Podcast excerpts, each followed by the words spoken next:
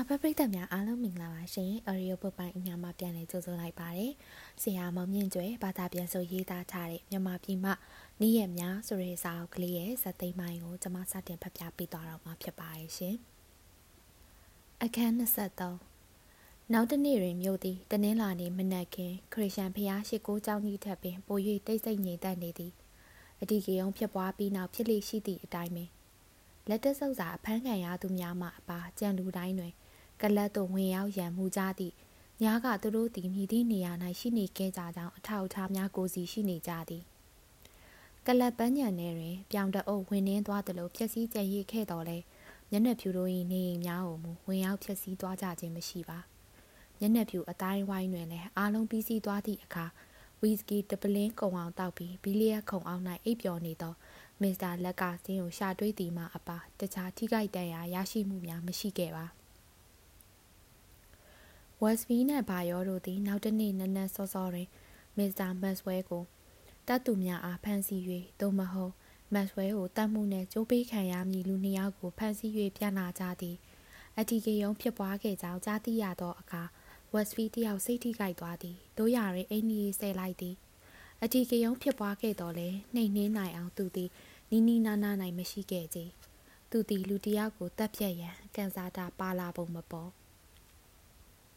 စိတ်ပြက်စရာကောင်းလိုက်ပါပြီ။ဘာယောဂမှုဖလိုရီလိုအရသားတယောက်ကစပလိတ်များအားအမိန်ပေးသည်ကိုမကြိုက်ကြောင်းပြောင်ပြောင်တင်းတင်းပင်ဖွင့်ပြောတော့သည်။ထိုခိုက်တွင်မိုးသည်ဆဲမြစ်ပုံမပေါ်ပဲဇက်တိုက်ရွာနေသည်။ဖလော်ရီအိယာမှနိုးလာချိန်တွင်ခေါမိုးပေါ်သို့တဝုံဝုံကျဆင်းနေသောမိုးသည်မိုးပေါက်များ၏အတန်ကိုကြားရသောကြောင့်အဝတ်အစားဝစ်စင်ပြီးကမန်းကတန်းပြေးထွက်လာခဲ့သည်။ဖလိုလည်းနောက်ကလိုက်ပါလာသည်။ နေအိမ်များကိုမမြင်ရသည့်နေရာသို့ရောက်ရှိလာသောအခါသူသည်အဝတ်စားများကိုချွတ်ပစ်လိုက်ပြီးနောက်အဝင်းမဲ့ခန္ဓာကိုယ်နှင့်မိုးရိပ်အောက်တွင်ရက်နေလိုက်သည်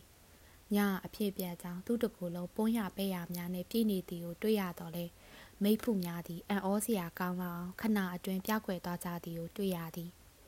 မိဖုများကိုပျောက်ကင်းအောင်ပြုလုပ်နိုင်သောမိုးရိပ်၏အစွမ်းသက်တည်သည်အံ့ဩစရာပဲဖလိုရီသည်ဒေါက်တာဘာယာစွာမိနေအိမ်သို့လျှောက်လာခဲ့သည် သူ့ဖနက်များသည်ရေဝင်နေသောကြောင့်တကြီးကြီးမြည်နေသလိုမျက်အုပ်ထုံနှကမ်းမှမိုးရေများသည်လည်းတခါတရံတွင်သူ့လေပင်ပေါ်သို့လျှော့ကနေကြာစီးလာတတ်သည်ကောင်းကင်တစ်ပြင်လုံးညိုမိုင်းနေပြီးမရေမတွက်နိုင်အောင်များပြားလာသောလေပွေလေညင်းများသည်မိုင်တန်ကွင်းပေါ်တွင်မြင်းတက်များပမာတစ်ခုပြီးတစ်ခုဇက်တိုက်ဖြတ်တန်းနေသည်မြမများသည်ဝါခမောက်ကြီးများကိုဆောင်၍မိုးရေထဲတွင်ရှောက်သွားနေကြသည် လမ်းပေါ်၌ဖြစ်ပေါ်လာသောရေစည်းချောင်းကလေးများသည်လမ်းပေါ်မှကြောက်ခဲများကိုစေးကြောပေးနေသည်ဖလော်ရီရောက်လာချိန်တွင်ဒေါက်တာဘာယာစွာမိသည်အိမ်သို့ပြန်ရောက်ခါစားဆူရွှဲနေသောထီကိုဝဒနာပေါ်မှခါကြားနေကြဖြစ်သည် သူကဖလော်ရီကိုစိတ်လှုပ်ရှားစွာဖြင့်လှမ်းနှုတ်ဆက်လိုက်သည်တက်ခဲ့ပါမစ္စတာဖလော်ရီတက်ခဲ့ပါအခန့်တင်လိုက်တာဗျာကျုပ်ကတော်မီချင်းပလင်းကိုစဖောက်တော့မလို့ ခမည်းရဲ့ကျမ်းမာရေးနဲ့ကြောက်တရားကိုကဲတင်သူအဖြစ်ခမည်းကိုဂုံပြုပြီးအရက်တောက်ပြရစီသူတို့သည်ပြောမဆုံးမောင်တောသုံးတောင်ဖြစ်အောင်လီကျော်ရှိနေကြသည်ဒေါက်တာသည်အောင်မြင်သူတူအဖြစ်ပျော်ရွှင်ဝမ်းမြောက်နေသည်ညအထီခေအောင်ကသူပြဿနာများကိုထူးထူးခြားခြားပြေလည်သွားစေသည်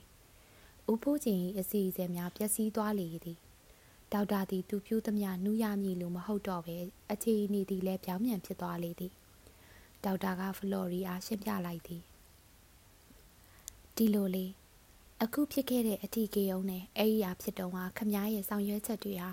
ဥပိုးချင်းရဲ့အစီအစဉ်နဲ့တလွဲစီဖြစ်နေတယ်။ "तू ကပုံကံထားကြွမှုဖြစ်အောင်ဖန်တီးလိုက်တယ်။ "तू ကအဲ့ဒီပုံကံမှုကိုနှိမ်နှင်းလိုက်ပြီးဂုံယူလိုက်မယ်။ပုံကံမှုတွေထပ်ဖြစ်လာရင်လေသူ့အတွက်ဂုံတက်စရာတခုဖြစ်မှာပဲလို့တထစ်ချယူဆထားတယ်။မတ်ဆွဲအသက်ခံရတယ်ဆိုတာရောတိတ်ကိုဝမ်းသာသွားတယ်။ ကဲအခုဆိုရင်သူတို့ကကျုပ်စီစဉ်တဲ့ပုံကံမှုကြီးကိုလေးလေးနက်နက်လက်ခံလာရမှာပေါ့လို့တောင်ဖွင့်ပြောတယ်တဲ့။ "तू ကလူအသက်ကိုအဲ့လောက်တောင်တန်ဖိုးထားတာ။ဒါပေမဲ့သူ့ရဲ့အောင်မြင်မှုတွေဟာအခုတော့ဆုံးခန်းတိုင်ပါပြီ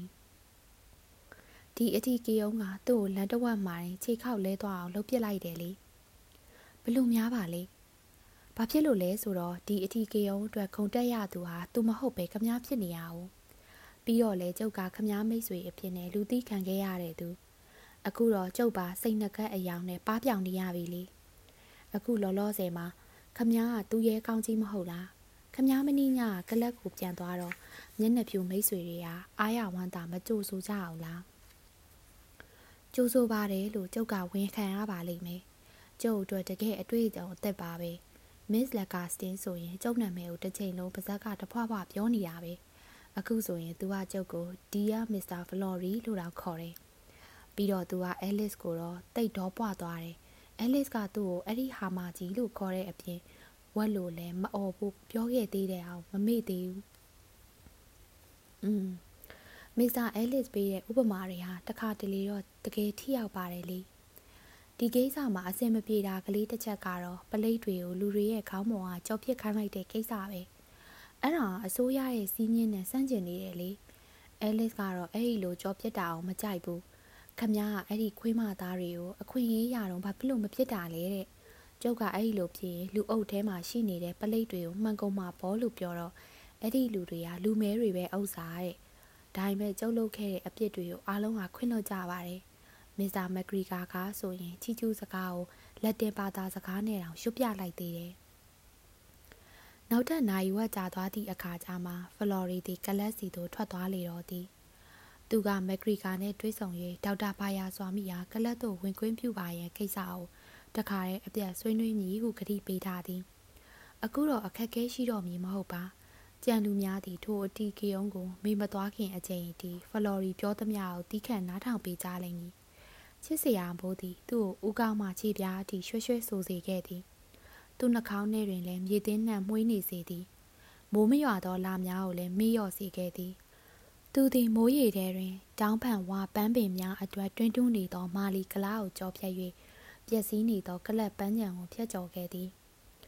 ပန်းပင်အများအားလုံးလိုလိုသည်တက်အနှင်းခံရသောကြောင့်ဂုံတလောက်နီးပါးဖြစ်နေကြလေသည်အဲလီဇဘက်သည်သူ့အားစောင့်မျှော်နေသလိုဝရဏပေါ်မှရှိနေသည် သူသည်အုတ်ထုပ်ကိုချွတ်၍အုတ်ထုပ်အနားပေါ်၌စိုးနေသောရေများကိုခါချလိုက်ပြီးသူမစီသို့ရှောက်သွားလေသည်မင်္ဂလာနနက်ခင်မှာခနှိမ့်နှင့်ခေါင်မိုးပေါ်သို့ရွာကြားနေသောမိုးတန်ကြောင့်သူ့အတန်ကိုမြင့်ပြောလိုက်ရသည်မင်္ဂလာနနက်ခင်ပါရှင်မိုးရေတွေကတုံချလိုက်တယ်လို့ပဲနော်ကောင်းကင်ကပြစ်ချနေတယ်လို့ပဲအိုးဒါတကယ်ရွာတဲ့မိုးမဟုတ်သေးဘူး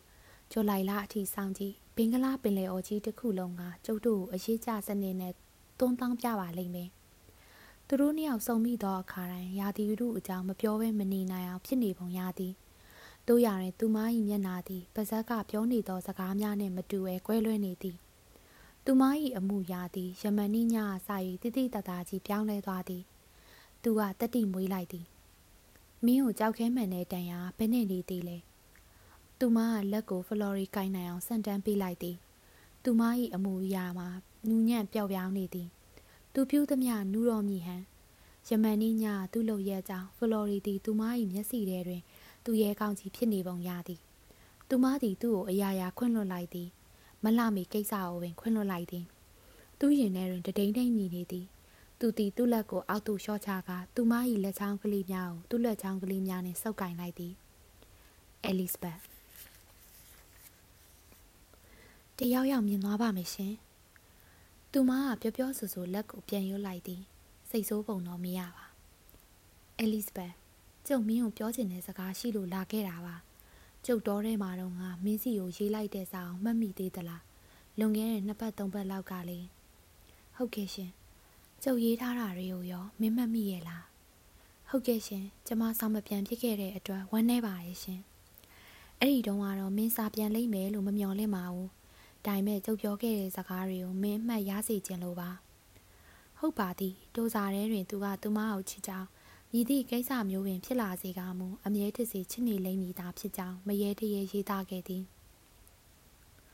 သူတို့နှစ်ယောက်သည်အလွန်နီးကပ်စွာမျက်နှာချင်းဆိုင်၍နေနေကြသည်သူသည်သူမကိုလက်နှင့်တိုင်းဖက်၍သူ့စီသို့ပွေယူလိုက်မိသည်သူမသည်အတန်ကြောင်သူ၏အလိုကိုလိုက်ရောခဲ့သည်ဖလော်ရီယာသူမ၏မျက်နှာကိုပင်၍နမ်းလိုက်သည်ကိုပင်ငြိမ်ခံနေသည် ထို့နောက်သူမကယုံလိုက်ပြီးဦးကောင်းကိုခါရမ်းပြတ်လိုက်သည်တယောက်ယောက်ကသူတို့နှစ်ယောက်အားမြင်သွားမည်ကိုကြောက်လန့်သောကြောင့်ဖြစ်နိုင်သည်သို့မဟုတ်သူ၏နှကမ်းမွေကမိုးရေများကြောင့်ဆွဆွနေ၍လည်းဖြစ်နိုင်သည်သူမသည်တစုံတရာထပ်မံမပြောဆိုတော့ပဲသူ့ရင်ခွင်ထဲမှရုံထွက်လိုက်ပြီးကလတ်အစအုံတဲသို့ကြပြကြရဝင်သွားလေသည်သူမ၏မျက်နှာပေါ်တွင်စိတ်ရှုပ်ထွေးသွားဟန်စိတ်မတိုးမတန်ဖြစ်သွားဟန်ပေါ်နေတော့လေစိတ်ဆိုးပုံတော့မရပါ သူသည်သူမ၏နောက်မှခက်ပြေးပြေးလိုက်ခဲ့လေရာအလွန်စိတ်ကောင်းဝင်နေပုံရသောမစ္စတာမက်ဂရီကာနှင့်တိုးမိလေတော့သည်သူသည်ဖလော်ရီယာမြင်လိုက်သည်နှင့်တပြိုင်နက်ဟောအောင်နိုင်သူသူရဲ့ကောင်းကြီးရောက်လာပြီပဲလို့ပျော်ပျော်ရွရွနဲ့ပြောလိုက်သည်ထို့နောက်ပို၍လေးနက်သောဟန်ပန်းနှင့်ချီကျူးစကားပြောလိုက်သည်ဖလော်ရီသည်ချိန်နေပိုကောင်းသွားအောင်ဒေါက်တာကလူအုပ်ကြီးရဲ့အလဲသို့ရောက်နေပြီးကြားတကောင်ကဲ့သို့လိုက်လံတိုက်ခတ်နေကြောင်းအမွှန်းတင်၍ပြောပြလိုက်သည် ဒေါက်တာသည်သူ့အသက်ကိုပဓာနာမထားဘဲစုံစုံစားစားဆောင်ရွက်ခဲ့သောကြောင့်ဖလော်ရီယာထိုကဲ့သို့ပြောခြင်းသည်ချဲကားပြောဆိုခြင်းမဟုတ်ပါမစ္စတာမဂရီကဒေါက်တာအထင်ကြီးသွားပြီးကြံလူများကလည်းထို့အကြောင်းကြားလိုက်ရသည့်အခါအထင်ကြီးသွားကြသည်မြည်သည့်အချိန်တွင်မဆိုအရှိတိုင်းသားအရာအထောင်ကထောက်ခံချက်ပေးသည့်ထက်မျက်နှာဖြူတယောက်၏ထောက်ခံချက်ကပို၍ကောင်းကျိုးပေးသည်ထို့ပြင်ယခုအချိန်၌ဖလော်ရီသဘောထားသည်အလွန်အရေးပါနေလေသည် ဒေါက်တာသည်ရာဂိုင်နှုံးပြေနာမည်ပြန်ကောင်းသွားလေသည်သူကလတ်တွင်မှန်ပါဖြစ်ရမည်ကိစ္စမှာတေချာသလောက်ဖြစ်နေသည်တို့ရရင်ဖလော်ရီကတစ်တော်စခန်းသို့ပြန်အောင်မည်ဟုဆိုသောကြောင့်ထိုကိစ္စကိုအတိမပြုသေးပြီသူသည်ထိုနေ့ညနေကဲမှပင်တစ်တော်စခန်းသို့ထွက်သွားသည်သူသည်စခန်းသို့ပြန်မသွားခင်အဲလီဇဘတ်နဲ့လည်းတွေ့မသွားခဲ့ကြယခုကပုံကန်ထားကြမှုမှာလုံးဝပြီးစီးသွားပုံရသောကြောင့်တော်ရဲသွားနေသည်မှာအနည်းငယ်မရှိတော့ပေ မိုးစရွာသည်နဲ့တပြိုင်နက်ပုံကန်ထားကြမည်ဆိုသောစကားများကိုလည်းပြောဆိုခဲ့လာသည်မြမများသည်လေယာကိစ္စနှင့်အလုံးရှုံနေတတ်သည့်အပြင်ရေတင်နေသောလေကွင်းများအားလူစုလူဝေးနှင့်ဖြတ်တန်း၍ခီးသွားရန်မလွယ်ကူလာသောကြောင့်ဖြစ်သည်ဖလော်ရီသည်ရတရပတ်6ပတ်လျင်တစ်ကြိမ်လာလေးရှိသောတင်အုပ်စရာရောက်လာမည့်အချိန်နဲ့ကိုက်၍နောက်ဆက်ရကြာလျင်ကြောက်တရားသို့ပြန်လာမည်ဖြစ်သည်အမှန်မှာကြောက်တရား၌အဲလစ်ဘတ်နှင့်ဘာယောနှစ်ယောက်စလုံးရှိနေခိုက်တွင်သူ့မျိုးသို့မပြန်ကျင်လှပါ တခုထူးခြားသည်မှာအဲလစ်ဘတ်ကသူ့အားခွင့်လွှတ်လိုက်ပြီးဆိုသောအသည့်ကိုသိလိုက်ရသည့်ချိန်မှစ၍သူမနှင့်ပတ်သက်သောညဉ့်ညမ်းသည့်မနာလိုသည့်ဝန်တိုစိတ်များသည်သူ့အုံနောက်ထဲသို့ဖြစ်ပေါ်မလာတော့ချေ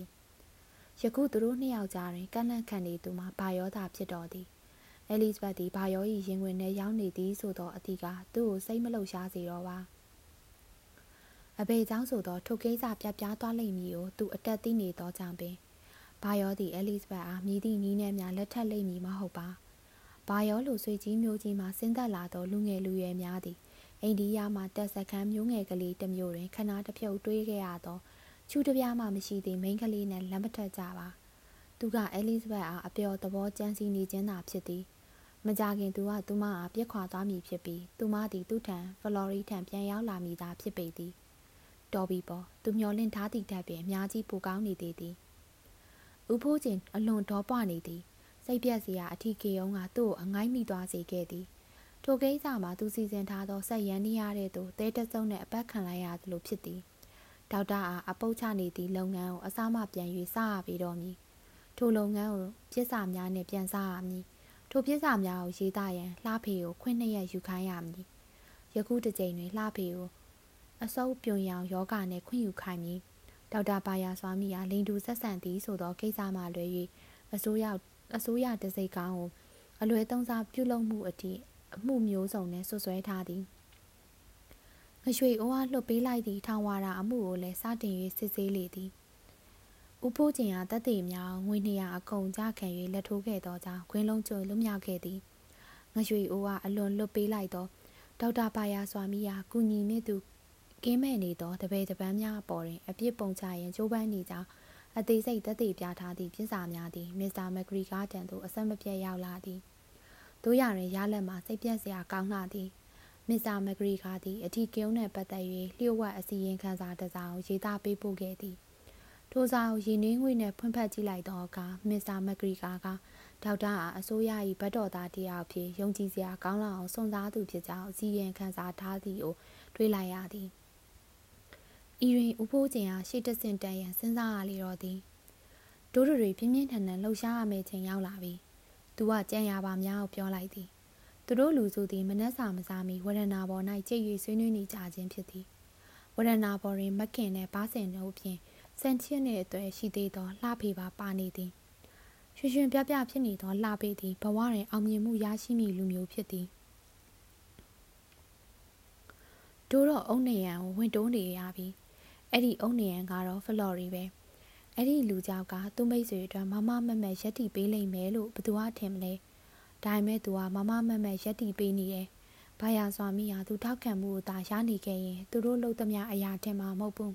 ။ဦးဖို့ကျင်ကဆက်ပြောလိုက်သည်။ကျွန်တော်ကလပ်ကဘတလာနဲ့ဆွေးနွေးပြီးပြီ။မစ္စတာအဲလင်နဲ့မစ္စတာဝက်စ်ဖီတို့ကလည်းဒေါက်တာကိုကလပ်မန်ပါအဖြစ်နဲ့မလိုလားကြဘူးတဲ့။ အဲ့ဒီအထီးကယုံဖြစ်မှုဟာမေ့သွားကြပြီးတဲ့နောက်တပြိုင်နက်မှာပဲသူတို့နှစ်ယောက်နဲ့ဖလော်ရီရံပြန်ဖြစ်ကြလိမ့်မယ်လို့ဆရာမထင်ဘူးလား။ဘာစင်ရပြောလိုက်သည်။ရန်တော့ဖြစ်ရမှာပေါ့ကွာသူတို့ကအမြဲရန်ဖြစ်နေကြတာပဲဥစ္စာဒါပေမဲ့အခုလောလောဆယ်မှာတော့ဘာပြဿနာမှဖြစ်မှာမဟုတ်ဘူးအဲ့ဒီလူသားကလပ်မှာမန်ပါဖြစ်ရွေးခံရမယ်ဆိုရင်ငါဒေါသဖြစ်တာနဲ့သိမှာပဲနေအောင်ဒိုးလုံးစရာတကွက်ပဲကျန်တော့တယ်ငါတို့ကဖလော်ရီကိုအပြတ်တွေ့ရလိမ့်မယ် ဖလော်ရီကိုအပြတ်တွေ့မယ်ဟုတ်လားဒါပေမဲ့သူကမျက်နှာဖြူတရားမဟုတ်လားငါ့သူ့ဘာဖြစ်လို့ကြောက်ရမှာလဲငါမျက်နှာဖြူတွေကိုအရင်ကတည်းကဖြက်စီးအောင်ဖြက်စီးခဲ့ပူပါတယ်ဖလော်ရီဒါနာမည်ပြတ်သွားရင်ဒေါက်တာဘာယာစွာမိဖို့လမ်းဆုံးရောက်သွားလိမ့်မယ်ဒီတော့သူ့ကိုနာမည်ဖြတ်ရလိမ့်မယ်သူကလပ်မှာနောက်တစ်ခါနာမည်မျက်နှာမပြရအောင်အဆက်ခွဲရမယ်ဒါမဲစရာရဲ့မျက်နှာဖြူတရားကိုဘာနဲ့ဆွဆွဲမှလဲမျက်နှာဖြူတရားကိုမကောင်းပြောရင်ဘသူကယုံကြည်ကြမှာလဲ မင်းမနီးပရိရဲ့မရှိပါဘူးကွာမျက်နှာဖြူတရားကိုဆွဆွဲလို့မရဘူးကွာသူ့ကိုလက်ပူးလက်ကျက်မိအောင်ဖမ်းပြရမယ်လူလေကောင်းမှအဆက်ခွဲရမယ်ဘလို့စီစဉ်မယ်ဆိုတာငါသိပါတယ်ကဲတိတ်တိတ်နေစားငါစဉ်းစားလိုက်အောင်မယ်အတန်ကြောင်ငြိမ်သွားသည်ဥဖို့ကျင်သည်လက်နှစ်ဖက်ကိုနောက်ပြရင်ဘိုးရည်တဲသူငေးကြည့်နေသည်ကြံသုံးယောက်ကဝရဏဆုံးမှနေ၍ဥဖို့ကျင်ကိုငေးကြည့်နေကြသည်ဥဖို့ကျင်ကမျက်နှာဖြူတရားကိုရန်လုံးတော့မည်ဟုပြောသောကြောင့်ခက်ကြောက်ကြောက်နဲ့ကြည့်နေကြခြင်းဖြစ်သည် ထိုမြင်ကွင်းမှာမော်စကိုရောက်နပိုလီယန်ကမြေပုံများကိုလေးလာနေစဉ်လက်ထဲတွင်အုတ်ထုတ်ကုန်စီကိုင်နာသော၎င်း၏စစ်ဗိုလ်ချုပ်ကြီးများတိတ်ဆိတ်စွာစောင့်ကြည့်နေကြဟန်နဲ့တူသည်တို့ရရင်ဥဖို့ချင်းသည်အခြေအနေကိုနပိုလီယန်ထက်ပိုမို၍တည်နာလေသူဖြစ်သည်သူ့အစီအစဉ်သည်နှစ်မိနစ်အတွင်းအစဉ်သင်းဖြစ်သွားသည်သူ့နောက်သို့လှည့်ကြည့်လိုက်သောအခါသူ့မျက်နှာကြည့်သည်အပြုံးတွေဝေနေသည်သူကဘားစိန်ကိုလက်ရက်ခေါ်လိုက်ပြီးနောက်နာနာသို့ကဲ၍စက္ကန့်အတန်ကြာအောင်ဒူဒူကလေးပြောလိုက်သည် အဲ့ဒါမှတို့အတွက်အမှန်ဆုံးလှုပ်ရဲလို့ငါထင်တယ်ဥဖိုးကျင်ကအဆုံးသတ်လိုက်သည်ဘားစိန်ဟာစိတ်မပေါ့တပေါ့နဲ့အံ့ဩကြီးစွာနဲ့ခပ်ပြုံးပြုံးပြုံးမြလိုက်သည်ဝင်း90ဆိုရင်စရိတ်စကားအားလုံးအတွက်လုံလောက်ပါလိမ့်မယ်ဥဖို့ကျင်ဟာပြုံးပြုံးကြီးပြောလိုက်သည်သူကအစီအစဉ်ကိုအသေးစိတ်ပြောပြလိုက်သည်ထိုစိတ်ကူးကိုအားလုံးလက်ခံသွားကြချိန်တွင်ပြုံးခဲရီခဲလာသောဘားစိန်သည်လည်း အစာကလေးကဥဖို့ကျင်၏လောက်ရက်ကိုမကြည်မနှက်ဖြစ်နေသောမက်ခင်သည်လည်းမအောင်အီးနိုင်ကြတော့ပဲအားရပါးရနှင့်ရီလိုက်မိကြသည်ထိုးစိတ်ကူးမှာစမ်းမကြည့်ပဲမနေနိုင်လောက်ကောင်းလွန်လှသည်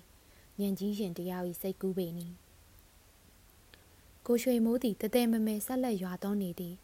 ဖလော်ရီတစ်တော်စကန်သို့ပြန်သွားပြီးနောက်ရက်တွင်မိုးသည်38နာရီထိဇက်တိုက်ရွာသွန်းနေလေသည်တခါတည်းရန်တွင် အင်္ဂလန်နိုင်ငံမှာရွာလေးရှိသောမို့လို့ဖြိုးဖြိုးဖြောက်ဖြောက်သာရွာတတ်ပြီးတခါတည်းရန်တွင်မူတဲထန်စွာရွာချလိုက်ပြီးကြောကြောင့်ပင်လယ်သမုဒ္ဒရာထဲမှရေအားလုံးသည်တိမ်တိုင်များတဲ့သို့ရောက်နေရောသလားဟုပင်ထင်ရသည်ခေါမိုးပေါ်သို့တဒုံဒုံကြာဆင်းနေသောမိုးတံများသည်နိုင်အနှဲငယ်အကြာတွင်ယူကျင်စရာကောင်းလောက်စူးညံလာသည်မိုးဆဲသွားသောအခါများတွင်ထုံးစံအတိုင်းနေပြန်ပူလာသလိုရွှွန်များလည်းအကွဲပြီးမြေကြီးထဲမှအခိုးငွေများထွက်လာကြတော့သည် ထို့တူလူတို့၏ကိုယ်ပေါ်တွင်လည်းမိဖုများပြန်ထွက်လာသည်မိုးစရွာသည်နှင့်ချီပိုးထိုးကောင်များသည်တွင်းထဲမှအစုလိုက်ပြုံလိုက်ထွက်လာကြသည်ပိုးနှံကားဟုခေါ်သောယွန်စရာပိုးကောင်များသည်လည်းတမင်းစပွဲပေါ်တွင်စုပြုံ၍ကြလာတတ်သည်တမင်းဟင်းများကိုစားမရပဲဖြက်စီးပစ်တတ်သည်မိုးသိမ့်မရွာသည့်ညနေများတွင်ဘာယောနှင့်အဲလစ်ဘတ်တို့သည်မြင်းစည်းထွက်ကြစေပင်ဘာယောသည်ရာသီဥတုကိုဂယူးမဆိုင်သောသူဖြစ်တော်လဲသူမြင်းများရှွန့်ပေကြံနေသည်ကိုသဘောမကျပါ ရတရပတ်တပတ်နီးပါကုံဆုံးသွားသည်သူတို့နှစ်ယောက်အကြားတွင် ပြောင်းလဲမှုမရှိပါသူတို့နှစ်ယောက်၏ရင်းနှီးမှုသည်ပိုလဲမပိုရော့လဲမသွားလက်ထပ်ဖို့ပြောလိမ့်မည်ဟုအဲလစ်ဘတ်ကရုံရုံကြည်ကြည်နဲ့မျှော်လင့်ထားတော်လဲဘာယောကဖွင့်မပြောသေးပါထို့နောက်တွင်ကကြောက်စရာကိစ္စတစ်ခုဖြစ်ပွားလာလေတော့သည်ဘာယောတယောက်ကြောက်တရားမှပြောင်းရွှေ့ရတော်မူဆိုသောသတင်းသည်မီဇာမက်ဂရီကားထံမှတဆင်ကလတ်သို့ရောက်ရှိလာသည် ကြောက်တရားတွင်စစ်ပလိတ်များအောင်ဆက်လက်ထားရှိမည်ဖြစ်တော်လဲဘာယောနေရာတွင်တခြားစစ်ဗိုလ်တယောက်ရောက်လာလိမ့်မည်တို့ရတွင်ဘယ်ချိန်ရောက်လာလိမ့်မည်ကိုဘသူမှသိသိကြကြမသိကြကြအဲလီဇဘတ်တဲထိတ်ရင်ပေါ်ဖြစ်နေရလေသည်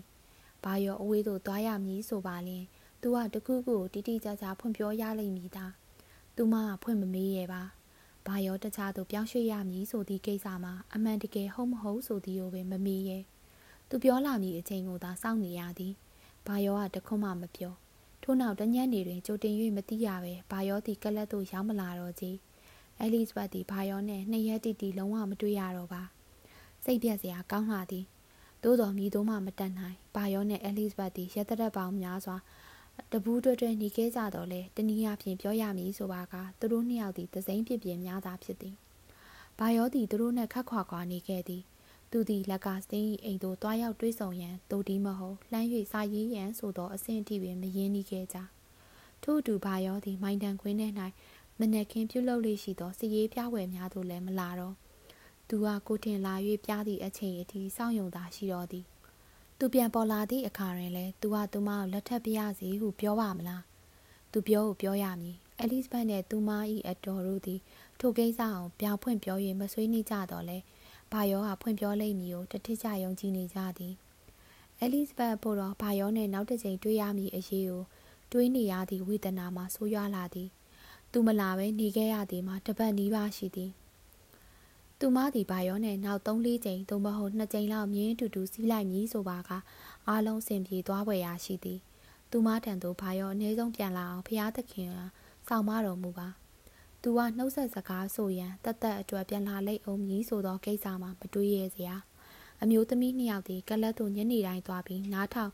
မနေသောပုံစံမျိုးနဲ့အပြင်ဘက်ကထွက်ပေါ်လာမည်ဘာရောဤဖနက်တန်ကိုနားဆွင့်၍ညနေတကောင်ထိထိုင်ဆောင်နေခဲ့ကြသည်တို့ရရင်ဘာရောလုံးဝပေါ်မလာပါထိုအခြေအနေကိုရေးရေးလဲလဲသဘောပေါက်သောအဲလစ်စီအဲလစ်ဘက်ကိုရည်ကျင်သောပုံစံမျိုးနဲ့အကဲခတ်နေသည် အဆိုးဆုံးကိစ္စမှာမစ္စတာလက်ကစတင်ဟာအဲလစ်ဘက်ဟာစေကံများ၏မျက်စိရှိ၌ပင် အချိန်ပြည့်အနှောက်အယှက်ပေးနေသောကိစ္စဖြစ်သည်သူမ၏တခုတည်းသောကာကွယ်ခုခံမှုမှာသူမ၏အတော်တိုင်ပြောလိုက်မည်ဟုချိန်ချောက်ထားခြင်းပင်ဖြစ်သည်မစ္စတာလက်ကစင်းသည်အဲလစ်ဘက်ပြောရဲလိမ့်မည်မဟုတ်ကြောင်းသဘောမပေါအောင်ထူသောအသောလူပင်ဖြစ်လေသည်တတရမြောင်နက်နက်ခင်းတွင်အဲလီဇဘတ်နှင့်မစ္စလက်ကာစတင်တို့သည်မိုးသက်လေပြင်းနှင့်တီတီကလေးလွတ်၍ကလတ်သို့ရောက်လာကြသည် သူတို့သည်အဲကန်ထဲတွင်မိနစ်အနည်းငယ်များသာထိုင်ကြသေးစေလူတယောက်ကဖနက်ပေါ်မှရေများကိုကျမ်းမော်သို့စောင့်ခါချနေသောအတန်ကိုဈေးညံလန်းထဲမှကြားလိုက်ရလေသည်ထိုလူသည်ဘာရောဖြစ်နိုင်သောကြောင့်မျိုးသမီးနှစ်ယောက်လုံးရင်ခုန်သွားကြသည်ထို့နောက်လူရွယ်တယောက်သည်မိုးကအင်ကြီးရှိကြီးမှခြေသီးများကိုဖြုတ်ရင်းအဲကန်ထဲသို့ဝင်လာသည်ထို့သူသည်အသက်25နှစ်ခန့်ခတ်တုတ်တုတ်လူတစ်ယောက်ဖြစ်သည် စိတ်ပြတ်သွားသောမစ္စလက်ကစင်း၏လဲချောင်းထဲမှတဲတဲကွဲကွဲမရှိလာသောအတန်များထွက်ပေါ်လာသည်ထိုလူရွယ်ရလူတိုင်းကိုတွေ့တွေ့ချင်းရင်းနှီးနှီးနှုတ်ဆက်တတ်သောပုံစံမျိုးနဲ့နှုတ်ဆက်လိုက်သည်ဟယ်လိုမင်းသားကျော်ကလေးရောက်လာပါပြီခမည်းတော်ကိုအနှောက်ယှက်ပေးသလိုတော့ဖြစ်မယ်မထင်ပါဘူးနော်မဖြစ်ပါဘူးမစ္စလက်ကစတင်ကတန်တော်နဲ့ပြန်ပြေးလိုက်သည်ကျုပ်ပြောချင်တဲ့စကားကျုပ်ဒီဒေတာဝီစကီကိုမီးဆန်းကြည့်ကျင်လို့ဒီကိုဝင်လာခဲ့တာပါဗျာ ကျုပ်ကမင်းညမှာရောက်လာတဲ့သူပါမင်းကဒီမှာတောင်းဝင်ကြလို့လားလူသေးရောက်လာမည်ဟုကြားမထားသောမစ္စလက်ကစင်ရပြန်မေးလိုက်သည်ဟုတ်တယ်ဆိုပါတော့ဗျာဒါပေမဲ့ကျမတို့လည်းဘာမှမကြားရပါလားอืมဟုတ်တာပေါ့မင်းတစ်တော်ဌာနကပဲဖြစ်ရမယ်မစ္စတာမတ်ဝဲနေရာကိုလူစားရောက်လာတာမဟုတ်လားဘလို့တစ်တော်ဌာနဟုတ်လားမဟုတ်ပါဘူးဗျာကျုပ်ကနောက်ရောက်လာတဲ့စစ်ပလိတ်တပ်ဖွဲ့အားစစ်ဗိုလ်ပါဘာပြောတယ် စစ်ပလိတ်တပ်ကိုရောက်လာတဲ့လူသစ်လေးဘာရောစီကလက်လွဲယူလိုက်တဲ့သူပေါ့အဲ့ဒီလူကသူ့ရဲ့တက်ရင်ကိုပြန်ဖို့အမိန့်ကျသွားပြီလေသူကကမန်းကဒန်းကိုပြန်ပြေးတော့တာပဲသူ့နောက်ွယ်မှာတော့တကယ်ကိုရှုပ်ရှက်ခတ်ပြီးကြံရေးခဲ့တော့တာပါပဲဗျာထိုစစ်ဗိုလ်ကလေးသည်ခတ်ထုံထုံခတ်အားအားဖြစ်တော်လဲအဲလစ်ဘတ်မျက်နှာရုတ်တရက်ပြတ်သွားကြအောင်သူတတိထားလိုက်မိသည်သူမသည်စကားပြော၍ပင်မရနိုင်လောက်အောင်ဖြစ်သွားရှာသည်ခဏကြာမှမစ္စလက်ကစင်အားတအံ့တော်ပြောနိုင်တော့သည် မစ္စတာဘာရောသွားပြီဟုတ်လားသူတခြားကိုခုချိန်ဒီမသွားသေးဘူးမဟုတ်လားသွားပြီခမသွားပြီဟုတ်လားဟုတ်ကဲ့ကျွန်တော်ပြောချင်တာသူလိုက်ရမယ့်ရထားဟာနိုင်ဝက်အတွင်းထွက်တော့မယ်လို့ပြောတာပါအခုဆိုသူပူရာကိုရောက်နေလောက်ပြီးကျုပ်ကပစ္စည်းတည်ပေးမဲ့အဖွဲ့သားတွေကိုတောင်စီစဉ်ပေးလိုက်သေးတယ်သူ့မြင်းတွေကိုရထားပေါ်တင်ပေးတာတို့ဘာလို့ပေါ့ဗျာထိုလူကထက်မှန်ရှင်းပြပုံရတော့လဲအဲလစ်ဘတ်နဲ့သူမ၏အတော်တို့သည်တလုံးမှမကြားကြတော့ပါ သူတို့နှစ်ယောက်သည်စစ်ပလိတ်ပိုကလေးကိုနှုတ်ပင်မဆက်တော့ပဲအပြင်ဘက်လှေကားတင်များပေါ်သို့ဆက်5စက္ကန့်အတွင်းရောက်သွားကြတော့သည်မစ်လက်ကစတင်အားဘတ်တလာကိုအသက်ခတ်မမှနဲ့လှမ်းခေါ်လိုက်သည်ဘတ်တလာငါလန်ချာကိုရှေ့ဘက်ကိုချက်ချင်းလာခိုင်းလိုက်စမ်းလန်ချာဆွဲသူရောက်လာချိန်တွင်သူမသည်လန်ချာပေါ်တွင်နေသားတကြဖြစ်အောင်ဝင်ထိုင်လိုက်ပြီးနောက်လန်ချာမြကိုစဆွဲအောင်ထိုသူ၏ကြောကုန်းကိုထီးထိပ်ဖြားနှင့်ထိုးလိုက်ရင် ဘူရာယုံကိုခက်မြမြန်လေးဆွဲစမ်းဟုပြောလိုက်သည်အဲလစ်ဘတ်ကမိုးကအင်ကြီးဝစ်ဆင်ထားပြီးမစ္စတာကာစတင်ကလန်ချားပေါ်တွင်ထီဆောင်၍ပုနေတော့လဲထီးနှင့်မိုးကနှစ်ခုစလုံးသည်မိုးလုံအောင်အသုံးမဝင်ကြပါမိုးရည်စက်များသည်သူတို့နှစ်ယောက်တန်သို့တဲတဲမဲမဲကျဆင်းလာလျက်ရှိရာအဲလစ်ဘတ်၏အဝတ်စားများသည်ကလပ်ကိဝသို့မရောက်ခင်ရွှဲရွှဲဆိုသွားရလေသလိုလန်ချားသည်လည်းလေတန်းကြောင်းနောက်ပြန်လန်ချားတော့မလို့ပင်ဖြစ်ခဲ့ရလေသည် လန်ချားဆွဲသူသည်ဥကောင်းကိုငုံရင်မြည်တွန်းတောက်တီးရင်လန်ချားကိုဆွဲနေရသည်အဲလစ်ဘတ်သည်ပြင်းထန်စွာစိတ်ဒုက္ခရောက်နေသည်မှားကုန်ပြီတခုခုမှားယွင်းသွားသောကြောင့်သာဖြစ်မည်ဘာယောကသူမထံသို့စာပိုးလိုက်တော့လဲအကြောင်းတစ်ခုကြောင့်စာမရောက်လာ၍သာဖြစ်ရမည်အဲ့ဒီလိုသာဖြစ်ရမည်သူဟာသူမကနှုတ်ဆက်စကားလေးပင်မပြောတော့ဘဲထွက်ခွာသွားသည်ဆိုသည်မှာလုံးဝမဖြစ်နိုင်အကယ်၍သူဟာထိုကဲ့သို့ပြုမှုသွားသည့်တိုင်အောင်သူမကမျောလင်းချက်ကိုလက်မလွတ်သေးပါ သူသည်သူမကိုပလက်ဖောင်းပေါ်၌နောက်ဆုံးအချိန်တွေးလိုက်ရသည့်အခါသူမကိုရဲရဲဆက်ဆက်ပြစ်ခွာသွားမိပုံမဟုတ်ပါသူတို့လန်ချသည်ဘူရာယုံနှင့်နီးကပ်လာချိန်၌သူမသည်ကိုယ်နောက်ဘက်သို့ရိုးလိုက်ပြီးသူမ၏ပါးနှစ်ဘက်ကိုသွေးရောင်ပြန်လွှမ်းလာအောင်လက်သေးနှင့်စိတ်လိုက်သည်စစ်ပလိတ်တစုသည်လက်တွန်းလှဲတစီကိုကမန်းကနန်းတွန်းသွားကြသည်သူတို့၏ခပ်ပါပါယူနီဖောင်းများသည်မိုးရေများကြောင့်ဆူရွှဲပြီးကျွတ်ဆုပ်ဖြစ်နေသည် ထိုစစ်ပလိတ်များသည်ဘာရောကိုလိုက်ပို့ကြသောတပ်သားများပင်ဖြစ်ရမည်15မိနစ်ခန့်အချိန်ရှိနေသည်၍ဖျားသခင်ကိုကျေးဇူးတင်မိသည်ရထားသည်နောက်15မိနစ်အတွင်းမထွက်ခါသေးပါသူနှင့်နောက်ဆုံးအချိန်တွေးခွင့်ရခဲ့သေးလျင်ဖျားသခင်ကိုကျေးဇူးတင်မိပါသည်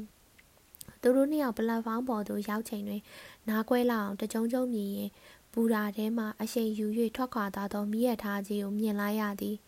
မိုးရေလုံးအောင်မိုးကအစားနှင့်အပေါ်က ထပ်ပုံးထားသည့်ဖောအုပ်ထုပ်ကိုစောင်းထားသောခပ်ပူပူဝါဝါရုံပိုင်ကြီးသည်အုပ်ထုပ်ကိုလက်တစ်ဖက်နှင့်ဖိကင်ထားရင်တန်လန်းပေါ်မှမတက်ရက်၍ထွက်ခွာသွားပြီဖြစ်သောမိရထားကြီးကိုငေးကြည့်နေသည်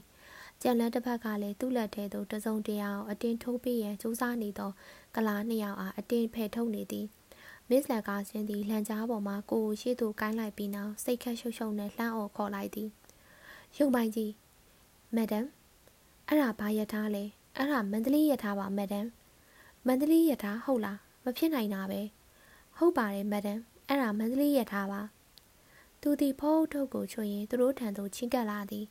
ဒါပေမဲ့ပလိစစ်ပုံလေးမစ္စတာဘာရောတော့ရထားပေါ်ပါမသွားအောင်မဟုတ်လားဟုတ်ကဲ့ပါသွားပါတယ်မက်ဒမ်သူပါသွားပါပြီယခုအချိန်တွင်ရင်နွေးငွေနဲ့မိုးရေစမ်းများထဲမှလျင်မြန်စွာပျောက်ကွယ်စာပြုတ်နေသောမိရထားကိုသူဟာလက်နဲ့ဝေယမ်းပြလိုက်သည် ဒါပေမဲ့ယထာထွက်ဖို့အချိန်မကျသေးဘူးမဟုတ်လားအချိန်မကျသေးပါဘူးမဒန်ယထာထွက်ဖို့နောက်ထပ်10မိနစ်တောင်လိုပါသေးတယ်ဒါဖြစ်ရင်ဘာဖြစ်လို့ထွက်သွားရတာလဲရုံပိုင်ကြီးသည်တောင်းမှန်လိုဟန်ဖြင့်ဖော့အုပ်ထုတ်ကိုခါရမ်းပြလိုက်သည်ကျုပ်သိပါတယ်မဒန်ကျုပ်သိပါတယ်အခုလိုတကားမှမဖြစ်ဘူးပါဘူးဒါပေမဲ့စစ်ပိုကလေးကမိရထားကိုအခုချက်ချင်းထွက်ပေးရမယ်လို့အမိန့်ပေးပါတယ်သူအားလုံးအစင်သင်းဖြစ်နေပြီစောင့်မနေခြင်းဘူးလို့လည်းပြောပါတယ် ကျုပ်ကနီးလန်းမကြတဲ့အကြောင်းလည်းပြောပြပါတယ်သူဟာစီကန်းတွေနီးလန်းတွေကိုခယူးမဆိုင်ကြောင်းပြောပါတယ်ကျုပ်ကရှင်းပြပါတယ်သူကညင်းပါတယ်အတူချုပ်ပြောရမယ်ဆိုရင်တော့သူကနောက်ထပ်၍လက်ဟန်ချေရန်နဲ့ပြလိုက်ပြန်သည်အတိတ်ဘယ်မှာဘာရောသည်မိရထားကိုပင်10မိနစ်စော၍ထွက်ခိုင်းမိလူစားမျိုးဖြစ်ကြောင်းပင်စကားအနေငယ်ပြတ်သွားသည်ဤတွင်အခွင့်အရေးရပြီဟုသိလိုက်ရသောကလားနှစ်ယောက်သည်ရှေ့သို့တိုးလာပြီးညစ်ပတ်နေသောစီးရင်စာအုပ်နှစ်အုပ်ကိုမစ်လ က်ကာစတင်ကြည့်နိုင်အောင်ထိုးပေးသွားလိုက်သည်စိတ်ရှုပ်သွားသောမစ်လက်ကာစတင်ဟာဒီလူတွေကဘာလို့ကျင်းလို့လဲသူတို့ကမျက်ရည်သမားတွေပါမဒန်သူတို့ကလက်တင်နဲ့ပါရောဟာသူတို့ငွေတွေအများကြီးအကျွေးပဆက်ပဲထွက်သွားတယ်လို့ပြောနေကြပါတယ်တယောက်ကမြတ်ဖို့တယောက်ကပြောင်းပူးဖို့ပါဒီကိစ္စကတော့ကျုံနဲ့မဆိုင်ပါဘူးဝေးသွားပြီဖြစ်သောမိရထားစီမှာအိုဩတန်တစ်ချက်ပေါ်ထွက်လာသည်ထိုမိရထားသည်ရေမိရထားလန့်အကွေတွင် ဘောက်ဖက်ကြီးတစ်ကောင်လိုချိုးကွေပြီးမြင်ကွင်းထဲမှပျောက်ကွယ်သွားတော့သည်ရုံမိုင်ကြီးမိုးရေဆိုရွှဲနေသောပေါင်းမီဖြူသည်သူ့ခြေထောက်ပေါ်တွင်တစ်ဖြက်ဖြက်ရိုက်နေသည်ဘာယောကမိရထားစောစောထွက်ခိုင်းလိုက်သည်မှာအဲလစ်ဘတ်နှင့်လူကင်းသွားလေသောကြောင့်လောသို့မဟုတ်မျက်ရည်သမားများအကျွေးမဆက်လိုသောကြောင့်လောစာသည်စိတ်ဝင်စားစရာမေးခွန်းများကိုမြည်သည့်အခါတွင်မှရှင်းလင်းပြောကြားနိုင်လိမ့်မည်မဟုတ်ပါသူတို့သည်လာလန်းအတိုင်းပြန်လာခဲ့ကြသည် သူတို့သည်လေကိုဆန်၍တောင်ကုန်းပေါ်သို့တက်လာကြသည်ဖြစ်ရာတခါတရံတွင်လန်ချသည်နောက်ဘက်သို့၄၅6လမ်းခန့်အထိပြန်ရောက်သွားတတ်သည်သူတို့နှစ်ယောက်ဝရန်တာပေါ်သို့ပြန်ရောက်လာသောအခါအလွန်မောဟ၍နေလေသည်အစီကံများသည်အငွေတချောင်းချောင်းထနေသောမိုးကအင်ကြီးများကိုသူတို့စီမှလှမ်းယူလိုက်သည်အဲလစ်ဘတ်သည်သပင်ထဲမှရေများကိုခါထုတ်ပစ်လိုက်သည်ဘူရာမှပြန်လာချိန်မှစ၍ငြိမ်နေသောမစ္စလက်ကာစတင်အားပထမအဆုံးအကြိမ်ဖြင့်တိတ်ဆိတ်မှုကိုဖြိုခွင်းလိုက်သည်။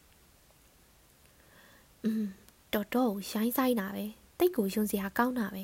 ။အဲလစ်ဘတ်ကမူမျက်နှာမပြတ်စေပဲအေးဆက်ဆက်လေးတန်းနဲ့ခက်မှန်မှန်ပြောလိုက်သည်။သူကကျမတို့ကိုနှုတ်ဆက်ဖို့စောင့်နေတင်ပါတယ်။မင်းသူနဲ့လွတ်လွတ်ကင်းကင်းဖြစ်သွားပြီလို့သာမှတ်လိုက်ပါတော့။ဒီကောင်ဟာအင်မတန်ယွန်စရာကောင်းတဲ့အကောင်မလို့ငါအစကတည်းကပြောခဲ့တာပဲ။သူတို့နှစ်ယောက်သည်ရေမိုးချိုးပြီးခြောက်သွေ့သောအဝတ်စားများကိုလဲလှယ်၍ မနှက်စာစားရန်ထိုင်လိုက်မိချိန်တွင်အနှဲငယ်စိတ်ပြေသွားပြီဖြစ်သောမစ္စလက်ကစတင်ဟာမေးလိုက်သည်ဒီနေ့ဘာနေ့ပါလဲစနေနေ့ပါအန်တီอืมစနေဆိုရင်တော့တင်းအုပ်စရာဒီကနေ့ညနေရောက်လာတော့မှာပဲမနှက်ပြန်ဝှေ့ပြူတဲ့အချိန်ကျရင်ဖះเจ้าကိုဘယ်နှယောက်လာကြမလဲမသိဘူးဒိုးလူစုအားလုံးစုံမိကြလိမ့်မယ်နဲ့တူတယ်မေစာဖလော်ရီလည်းရှိလိမ့်မယ်သူနှက်ပြန်ကတောထဲကပြန်လာမယ်လို့ပြောခဲ့တယ်ထင်တာပဲ။ အော်ချစ်ဖို့ကောင်းတဲ့မစ္စတာဖလော်ရီရဲ့မစ္စလက်ကာစတင်သည်ကြည်ကြည်နုနုကလေးဖြည့်ဆွဲ၍ပြောဆိုလိုက်လေသည်။အခန်း24ညနေ6နာရီထိုးရန်နီးကပ်လာပြီဖြစ်သလိုဟင်တူတရဝမ်ကြီးမတူကကျိုးကိုအဆက်မပြတ်ဆွဲနေသောကြောင့်ဖျားရှိကိုเจ้าမော်ရှိခေါင်းလောင်းကလည်းတောင်တင်တောင်တင်မြည်နေလေသည်မိုင်တန်ကွင်းကြီးတစ်ခုလုံးကိုလည်းဝင်လူစဲစဲနေအောင်ကြီးများလွှမ်းခြုံထားသည် မနက်စောစောကလေးကရွာနေသောမိုးသည်ဆက်လက်၍လည်းရွာနေမိပုံပေါ်သည်ကြောက်တရားမျိုး၌ရှိသော ခရစ်ယာန်ဘာသာဝင်15ဦးတို့သည်ညနေပိုင်းဝတ်တက်ရန်ဖျားเจ้าတကားဝသို့ရောက်နေကြပြီတကားဝသို့မစ္စတာဖလော်ရီနှင့်မိခိုးရောင်ဖောအုပ်တို့ကိုစောင်းထားသောမစ္စတာမက်ဂရီကာတို့ရောက်နေကြပြီရတရဘတ်6ဖက်လင်းတစ်ချိန်ကျင်းပသောဝေးပြုပွဲသည်မစ္စတာဖရန်စစ်နှင့် မစ္စတာဆင်မြူရယ်တို့အတွက်တော့အလွန်ထူးခြားသောလူမှုရေးပွဲလန်းသပင်ကြီးတစ်ခုဖြစ်သောကြောင့်သူတို့နှစ်ယောက်သည်လည်းခွာချထားသောစင်ဝင်းဆောင်များကိုဝစ်စင်၍ရောက်နေကြလေသည်အရက်ရှိရှိသပင်ဖြူဖြူနှင့်နှာခေါင်းညက်မျက်မှန်များကိုတတ်ထားသောသင်းအုပ်စရာသည်မစ္စတာမက်ဂရီကာ၏နေအိမ်၌လဲလှယ်၍ဝစ်စင်လာခဲ့သောအင်ကြီးရှိကြီးနှင့်လက်မောင်းကျဲကျဲအပေါ်အင်ကြီးဖြူဖြူပွားပွားကြီးကိုဝစ်စင်၍ဖျားရှိကိုကြောင့်လှေကားတစ်ပေါ်တွင်ရပ်နေသည်။ သူသည်လှေကားပေါ်မှတက်လာသောခရစ်ယာန်ဘာသာဝင်ကရင်လူမျိုး၄၅ယောက်အားဦးကြောင်ကြောင်မျက်နှာထားနှင့်နှုတ်ဆက်နေသည်သူကကရင်စကားမပြောတတ်သလိုကရင်လူမျိုးများကလည်းသူပြောသည့်ဘာသာစကားကိုနားမလည်ကြနောက်ခလန်လန်၌ခက်ရွရွကလေးရက်နေသောခရစ်ယာန်ဘာသာဝင် ကလားတယောက်လည်းရှိသေးသည်ထိုကလားသည်ဝတ်ပြုပွဲတိုင်းသို့လာလေးရှိသူဖြစ်သည်သူသည်မြည်သည့်ကလားမျိုးနွယ်မှဆင်းသက်လာသူဖြစ်ကြောင်းမသိရသလိုမြည်သူမြည်ဝါဖြစ်ကြောင်းကိုလည်းဘယ်သူမှမသိကြပါ။ သူမြည်သည့်နည်းနဲ့ခရစ်ယာန်ဘာသာဝင် ဖြစ်လာခဲ့ကြောင်းကိုလည်းမသိကြပါခရမ်းရောင်ဝစ်စုံဝစ်စင်၍သူမ၏ဦးလေးအတော်တို့နှင့်အတူတောင်ကုန်းပေါ်မှဆင်းလာနေသောအဲလစ်ဘတ်ကိုဖလော်ရီလက်မြင်နေရသည်ဖလော်ရီသည်အဲလစ်ဘတ်နှင့်ထိုနေ့မနက်ကကလတ်၌တခြားသူများရောက်မလာမီတမနစ်ခန့်နှစ်ယောက်တည်းတွေးခွင့်ရခဲ့သည်ဖလော်ရီကသူမအားမေးခွန်းသာမေးခဲ့သည်ဘာရောပြီးပိုင်ပြန်သွားပြီမဟုတ်လားဟုတ်ကဲ့ နောက်ထပ်ပြောစရာမလိုတော့ပါဖလော်ရီသည်သူမအားပွေ့ဖက်၍သူ့ရင်ခွင်ထဲသို့ဆွဲယူလိုက်သည်သူမသည်လိုလိုလားလားဝမ်းမြောက်ဝမ်းသာနဲ့ပဲသူ့ရင်ခွင်ထဲသို့ရောက်လာသည်ဖလော်ရီကသူမအားတစုံတစ်ခုသောဘေးရန်မှကဲဆဲကားခွဲပေးလိုက်သည့်အလားသူမသည်ဖလော်ရီရင်ခွင်ထဲတွင်ကလေးငယ်ပမာအတန်ကြာအောင်ခိုကပ်နေခဲ့သည်သူကသူမအားနမ်းရန်သူမ၏မျက်နှာကိုမှားလိုက်သည့်အခါသူမငိုနေသည်ကိုတန်တော်တွေးလိုက်ရလေသည် ထိုစဉ်ကစကားပြောချိန်မရခဲ့ပါမင်းကိုလက်ထပ်ပါလားဟူသောစကားကိုပင်ပြောဆိုရန်အချိန်မရခဲ့ပါအဲ့ဒါကလည်းတိတ်အရေးမကြည့်လားပါဖျားဝတ်ပြုပြီးချိန်တွင်အချိန်လုံလောက်စွာရပါလိမ့်မည်ယနေ့မှစ၍ရတရပတ်6ပတ်အကြာနောက်တစ်ကြိမ်သင်းအုပ်စရာရောက်လာသည့်အခါသူတို့နှစ်ယောက်ကိုလက်ထပ်ပေးကောင်းပေးလိမ့်မည်ဖျားဝတ်ပြုနေကြတွင် ရေချိန်ကိုင်းနေအောင်ကလတ်တွင်ကမန်းကတန်းဝင်တောက်နေကြသောအဲလစ် ဝက်စ်ဗီနှင့်စစ်ဘိုတစ်ကလေးတို့သည်ဖျားเจ้าစီသို့လာနေကြသည်မတ်ဝဲနေရာတွင်လူစားရောက်လာသည့်အသားဖြူဘက်ဖြူရောအရက်ခက်ရှိရှိနှင့်နှစ်သိန်းစားတွင်ပုတ်တိုက်ကလေးရှိနေသောသပင်နှဲငယ်မှလွဲ၍တကောင်လုံးပြောင်နေသောတစ်တော်အရာရှိသည်သူတို့သုံးယောက်နောက်မှလိုက်ပါလာသည် အဲလီဇဘတ်ရောက်လာချိန်တွင်ဖလော်ရီသည်မင်္ဂလာညနေခင်းမှဟူသောစကားထက်ပိုပြောချိန်မရလိုက်ပါလူဆောင်မီဖြစ်သောကြောင့်တတိထားလိုက်မိသော ဟိန္ဒူတရဝံကြီးမတ်တူဟာခေါင်းလောင်းကိုစံမတီးတော့ပဲရက်တန့်ပစ်လိုက်ရာသူတို့အုပ်စုကိုတင်းအုပ်စရာဦးဆောင်၍ဖျားရှိကိုအကြောင်းနဲ့သူဝင်ရောက်သွားလိမ့်သည်ဖုံးတုတ်ကြီးကိုဘိုက်တွင်ကတ်ထားသောမက်ဂရီကလက်ကစတင်မိသားစုနှင့်တိုင်းရင်းသားခရစ်ယာန်ဘာသာဝင်တို့သည်တင်းအုပ်စရာနောက်မှကတ်လိုက်သွားသည်အဲလစ်ကဖလော်ရီတထောင်စစ်ကိုလက်သေးနှင့်ဆက်၍ခတ်ထွေထွေကလေးပြောလိုက်သည်လာလီတန်းစီကြအောင်တန်းစီဖို့အချိန်ရောက်ပြီခက်မြန်မြန်ချီတက် အဲလစ်နှင့်စစ်ပိုသစ်ကလေးတို့သည်လက်ချင်းတွဲ၍အားလုံး၏နောက်မှလိုက်ပါကြသည်ထိုစစ်ပိုကလေးသည်ဖျားရှိကိုအကြောင်းထဲသို့ရောက်သည့်အထိပွဲထဲမှမင်းသမီးလိုတင်ပါများကိုလှုပ်ခါရင်ကနေသောခြေလမ်းများနှင့်ရှောက်လာသည်ဖလော်ရီသည်အဲလစ်ဘတ်၏ယာဘက်ရှိမင်းလန်းမ၏တပ်ဖက်၌ခုံနှန်းရှည်တွင်အဲလက်စ်တို့နှစ်ယောက်နှင့်အတူဝင်ထိုင်လိုက်သည်သူသည်သူ၏အမှတ်ကြီးကိုအဲလစ်ဘတ်မြင်ရသည့်ဘက်တွင်ထား၍နေရာယူသည်မှာယခုပထမဆုံးချိန်ဖြစ်သည် သူတို့ထိုင်ကြရင်စစ်ဖို့ကလေးထံမှရက်ပလင်းပြားကလေးကိုဆွဲယူလိုက်သောအဲလစ်ကမျက်စိမိတ်ပြီးတစ်ကနေ25အထိရွတ်လိုက်စမ်းဟုတိုးတိုးလေးပြောလိုက်သည်မစ်လက်ကာစတင်သည်စန်နီယာခုံတွင်ဝင်ရောက်နေရာယူပြီးလေသည်ဟိန္ဒူတရဝမ်ကြီးမတ်တူသည်တကားဝတွင်နေရာယူရင်းလေရက်ပံကာကျိုးကိုစတင်၍ဆွဲတော်သည်လေရက်ပံကာကိုရှေ့ဆုံးတန်းတွင်ထိုင်နေကြသောမျက်နှာဖြူများ၏ဥကောင်းပေါ်၌သာလှုပ်ရှားနေအောင်စီစဉ်ထားသည် ဖလိုသည်မင်းလန်းအတိုင်းအနှံ့ခံ၍ရှောက်လာပြီးနောက်ဖလော်ရီခုံရှည်ကိုရှာတွေ့သွားသည့်အခါခုံအောက်တွင်ဝင်နေရာယူလိုက်သည်ဝစ်ပြုတ်ပွဲစတင်လေသည်ဖလော်ရီသည်တရားဟောတန်ကိုဖြတ်တောင်းဖြတ်တောင်းသာအာယုံဆိုင်နေမိသည်အဲလစ်ကတစ်ချိန်လုံးတထောင်နဲ့တူ၍မဟုတ်တရုပ်စကားများကိုပြောဆိုနေသည်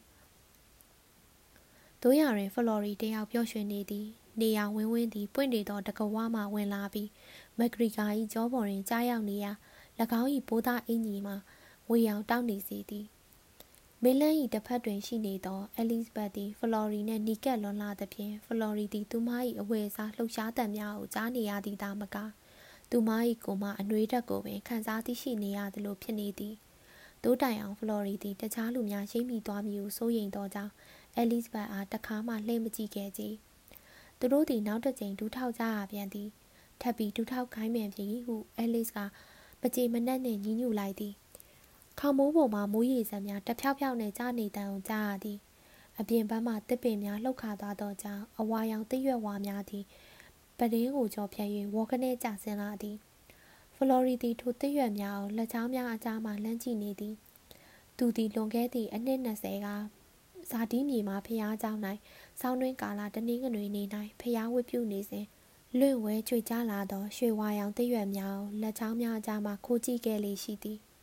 အနိဋ္ဌာယုံများနှင့်ပြည့်နေသောအနှစ်20ကာလသည်သူ့ဘဝတွင်မြည်သည့်အခါကမှမဖြစ်ပေါ်ခဲ့သလိုဘဝကိုအသက်မှပြန်စား၍မဖြစ်နိုင်ပြီလားဟုတွေးလိုက်မိသည်သူသည်တူးထောက်ပြီးခေါင်းငုံနေသောအဲလစ်ဘတ်အားလက်ချောင်းများအကြားမှစောင်းငေးကြည့်လိုက်သည်သူတို့နှစ်ယောက်လက်ထပ်ကြလင်ဘလောက်ပျော်စရာကောင်းလိုက်မည်နည်း အလုတ်ခွင်မှပြန်လာသောဖလော်ရီယာတစ်တော်စခန်းမှစောင့်ကြိုနေသောအဲလစ်ဘတ်နှင့်ဘီယာပလင်းကိုကိုင်၍ကြပြားကြရာရှောက်လာနေသောကိုစံလှတို့မြင်အောင်မိသည်သူနှင့်အဲလစ်ဘတ်တို့သည်ညောင်ပင်ပေါ်ကအောက်ချင်းငံများအားစောင့်ကြည့်နေကြပုံနမဲမခွန်တတ်သောပန်းပွင့်များအားစွကူးကြပုံ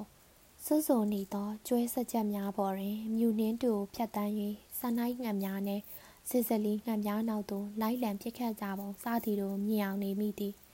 အဲလစ်ဘတ်ကပြုပြင်ပေးမည်သူ့အိမ်ကိုလည်းမြင်အောင်နေမိသည်ရန်ကုန်မှမှာယူထားသောပရိဘောကအသစ်များဒမ်းပန်းများစိုက်ထားသောအေကန်းစပွဲပေါ်မှပန့်အိုးများ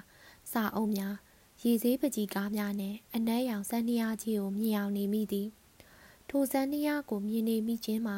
အတီတကြမနေခဲ့ရသောသူ့ဘဝနှင့်ရှင်ကျေးသိမ်မွေးမှုမရှိသည်သာမကဂီတကိုဝါသနာမထုံသောသူ့ပီစာကြောင့်ဖြစ်နိုင်ပါသည် လွန်ခဲ့သောဆယ်နှစ်အတွင်းကမူသားစကားပြောဆိုခဲ့ရမှုများကာမဂုဏ်တွင်အတွင်းမှာကြာဆင်း၍အပျော်ကျူးခဲ့မှုများအထီးကျန်စိတ်ဝေဒနာများ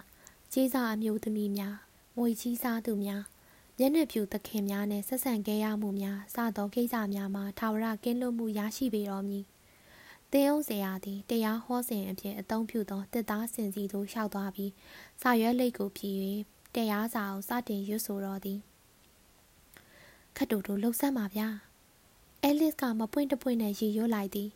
မိနစ်ပေါင်းမြင်မြကြာမြင့်သွားသည်ကိုဖလော်ရီတတိမပြမပြူမိပါတရားဟောတန်ကိုကွဲကွဲပြားပြားမကြားမိနေတော့လဲထိုတရားတန်သည်သူ့ကောင်းထဲမှငြိမ်းချမ်းစွာစီးချင်းဖြတ်တန်းနေသည်သူတို့နှစ်ယောက်လက်ထပ်သောအခါဟုတွေးနေမိစဉ်တင်းယုတ်ဆရာသည်ဟောလက်စတရားကိုဖြုံးကနေရက်လိုက်သည်နှာခေါင်းပေါ်တွင်ညှက်ထားသောမျက်မှန်ကိုဖြုတ်၍ကင်လိုက်ပြီး တကားဝ၌ရှိနေသူဟာစိတ်ပြက်လက်ပြက်ခါရမ်းပြနေသည်ဤတွင်ကြောက်စရာကောင်းလောက်သောအတန်တတန်အားဆူဆူရှာရှာပေါ်ထွက်လာလေတော့သည်ပတ်စံပေးလိုက်ပတ်စံပေးလိုက်သူတို့အားလုံးသည်ထိုင်နေရာမှခုန်ထားလိုက်ပြီးခြာကနေလှည့်ကြည့်လိုက်မိသည်ထိုမျိုးသမီးမှာမလှမီဖြစ်သည်သူတို့နောက်လှည့်ကြည့်လိုက်စဉ်သူမသည်ဖျားเจ้าနှင့်သို့ဝင်လာကတရဝံအဖိုးကြီးမတ်တူအားဘေးသို့ခက်ကြမ်းကြမ်းတွန်းဖယ်လိုက်သည် မလမေယာဖလော်ရီယာလက်သီးဆုပ်၍ပြလိုက်သည်ပတ်စံပေးလိုက်ပတ်စံပေးလိုက်ကျမပြောနေတဲ့လူဟာဖလော်ရီပဲသပင်နက်နက်နဲ့ရှေ့တန်းမှာထိုင်နေတဲ့သူပေါ့ကျမဘက်ကိုလှည့်ကြည့်ပါဦးကိုလူကြောက်ရဲ့ရှင်ကျမကိုပေးမယ်လို့ကတိပေးခဲ့တဲ့ခွေဗမာလဲမလမေသည်အယူတို့အော်ဟစ်နေသည်လူတိုင်းကသူမကိုပါဇက်အဟောင်းသားနဲ့ကြည့်နေမိသည်အန်ဟာတဲ့လွန်လာ၍လှုပ်လဲမလှုပ်မိကြသလိုစကားလည်းမပြောမိကြသူမ၏မျက်နာသည်ပေါင်တာကြောင့်ညိုမိုင်းသလို စီရွှဲနေသောသပင်များကိုလည်းဖားရချထားသည်သူမ၏လုံကြီးသည် အောက်ဘက်တွင်ဆုပ်ပြဲနေသည်ဖလော်ရီပိုက်ထဲမှကလီစာများသည်အေးဆက်သွားတော့သည်ဒီမျိုးသမီးသည်သူ၏အပျော်ဇနီးဖြစ်ကြောင်းအဲလီဇဘတ်သိနိုင်မလားမားနိုင်စရာမရှိပါသိလိမ့်မည်သာဖြစ်သည်သူမသည်သူ့နာမည်ကိုထက်ခါတလဲလဲအော်ဟစ်နေသည်သူကြားပူးသောအတန်ကိုကြားလိုက်ရသောဖလိုသည် ခုံအောက်မှထွက်လာကမင်းလန်းတိုင်းလျှောက်သွားပြီးမလမေကိုအမိနှံပြသည် မလမေသည်ဖလော်ရီယာသူမဟာမြည်သို့ဆက်ဆံခဲ့သည်ကိုပင်အသေးစိတ်အော်ဟစ်ပြောဆိုနေသည်ရှင်တို့မျက်နှာပြူတွေမျက်နှာပြူမတွေကျမကိုကြည့်ကြစမ်းပါအောင်ကျမကိုဘလို့ဖြက်စီးခဲ့တယ်ဆိုတာကိုကြည့်ကြစမ်းပါအောင်ကျမဝင့်နေရတဲ့ဆုပ်ဆုပ်ပြက်ပြက်တွေကိုကြည့်ပါအောင်ကျမအောင်မမြင်သလိုဟန်ဆောင်ပြီးဟိုမှာထိုင်နေတဲ့လူလိန်လူညာလူကြ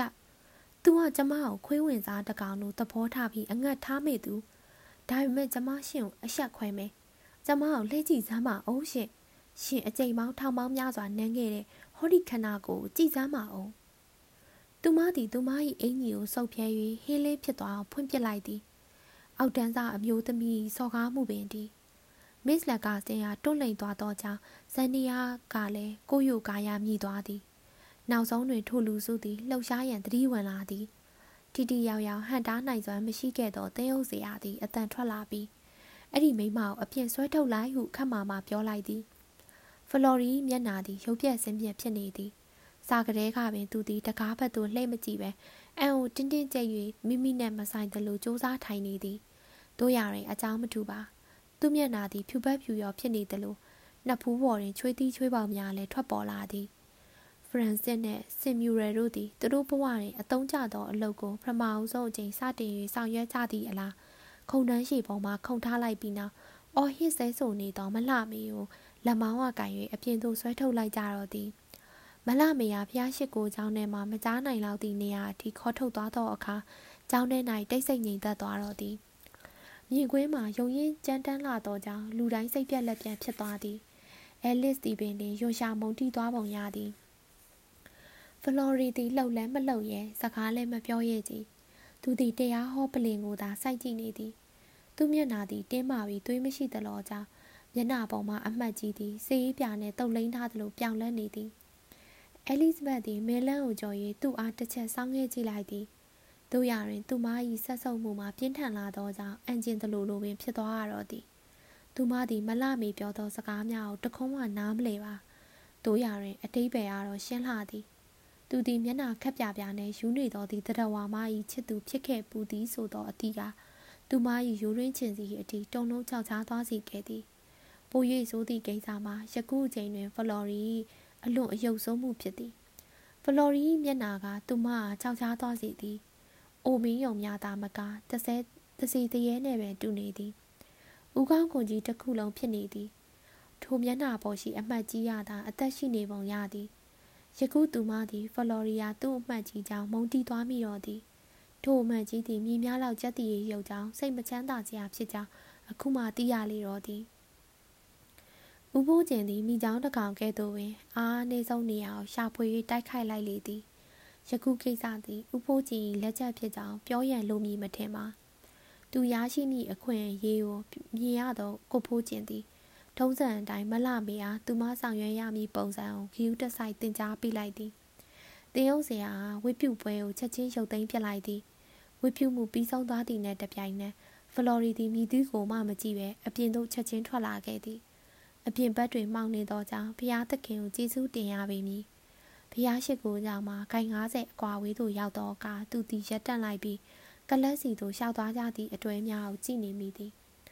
သူတို့ဖို့ထိုလူများသည်ကြပြာကတိသွားနေကြပုံရသည်သွားကြမှာပေါ့ယနေ့ညကလတ်တွင်ပြောစရာအကြောင်းတစ်ခုရရှိသွားပြီပဲမြူးကျင်သောဖလိုသည်ဖလော်ရီခြေချင်းဝက်ကိုဝမ်းပိုက်နဲ့လာ၍ပွတ်နေသည်သွားစမ်းခွေးမဖလော်ရီကပြောလိုက်ပြီးခြေထောက်နဲ့ကန်လိုက်သည်အဲလိစ်ဘတ်သည်ဖျားရှိကိုအကြောင်းတကားဝ၌ရက်နေသည်အခွင့်အရေးရရှိသွားသောမစ္စတာမက်ဂရီကသူမအားတင်းအောင်ဆရာနှင့်မိတ်ဆက်ပေးနေပုံရသည်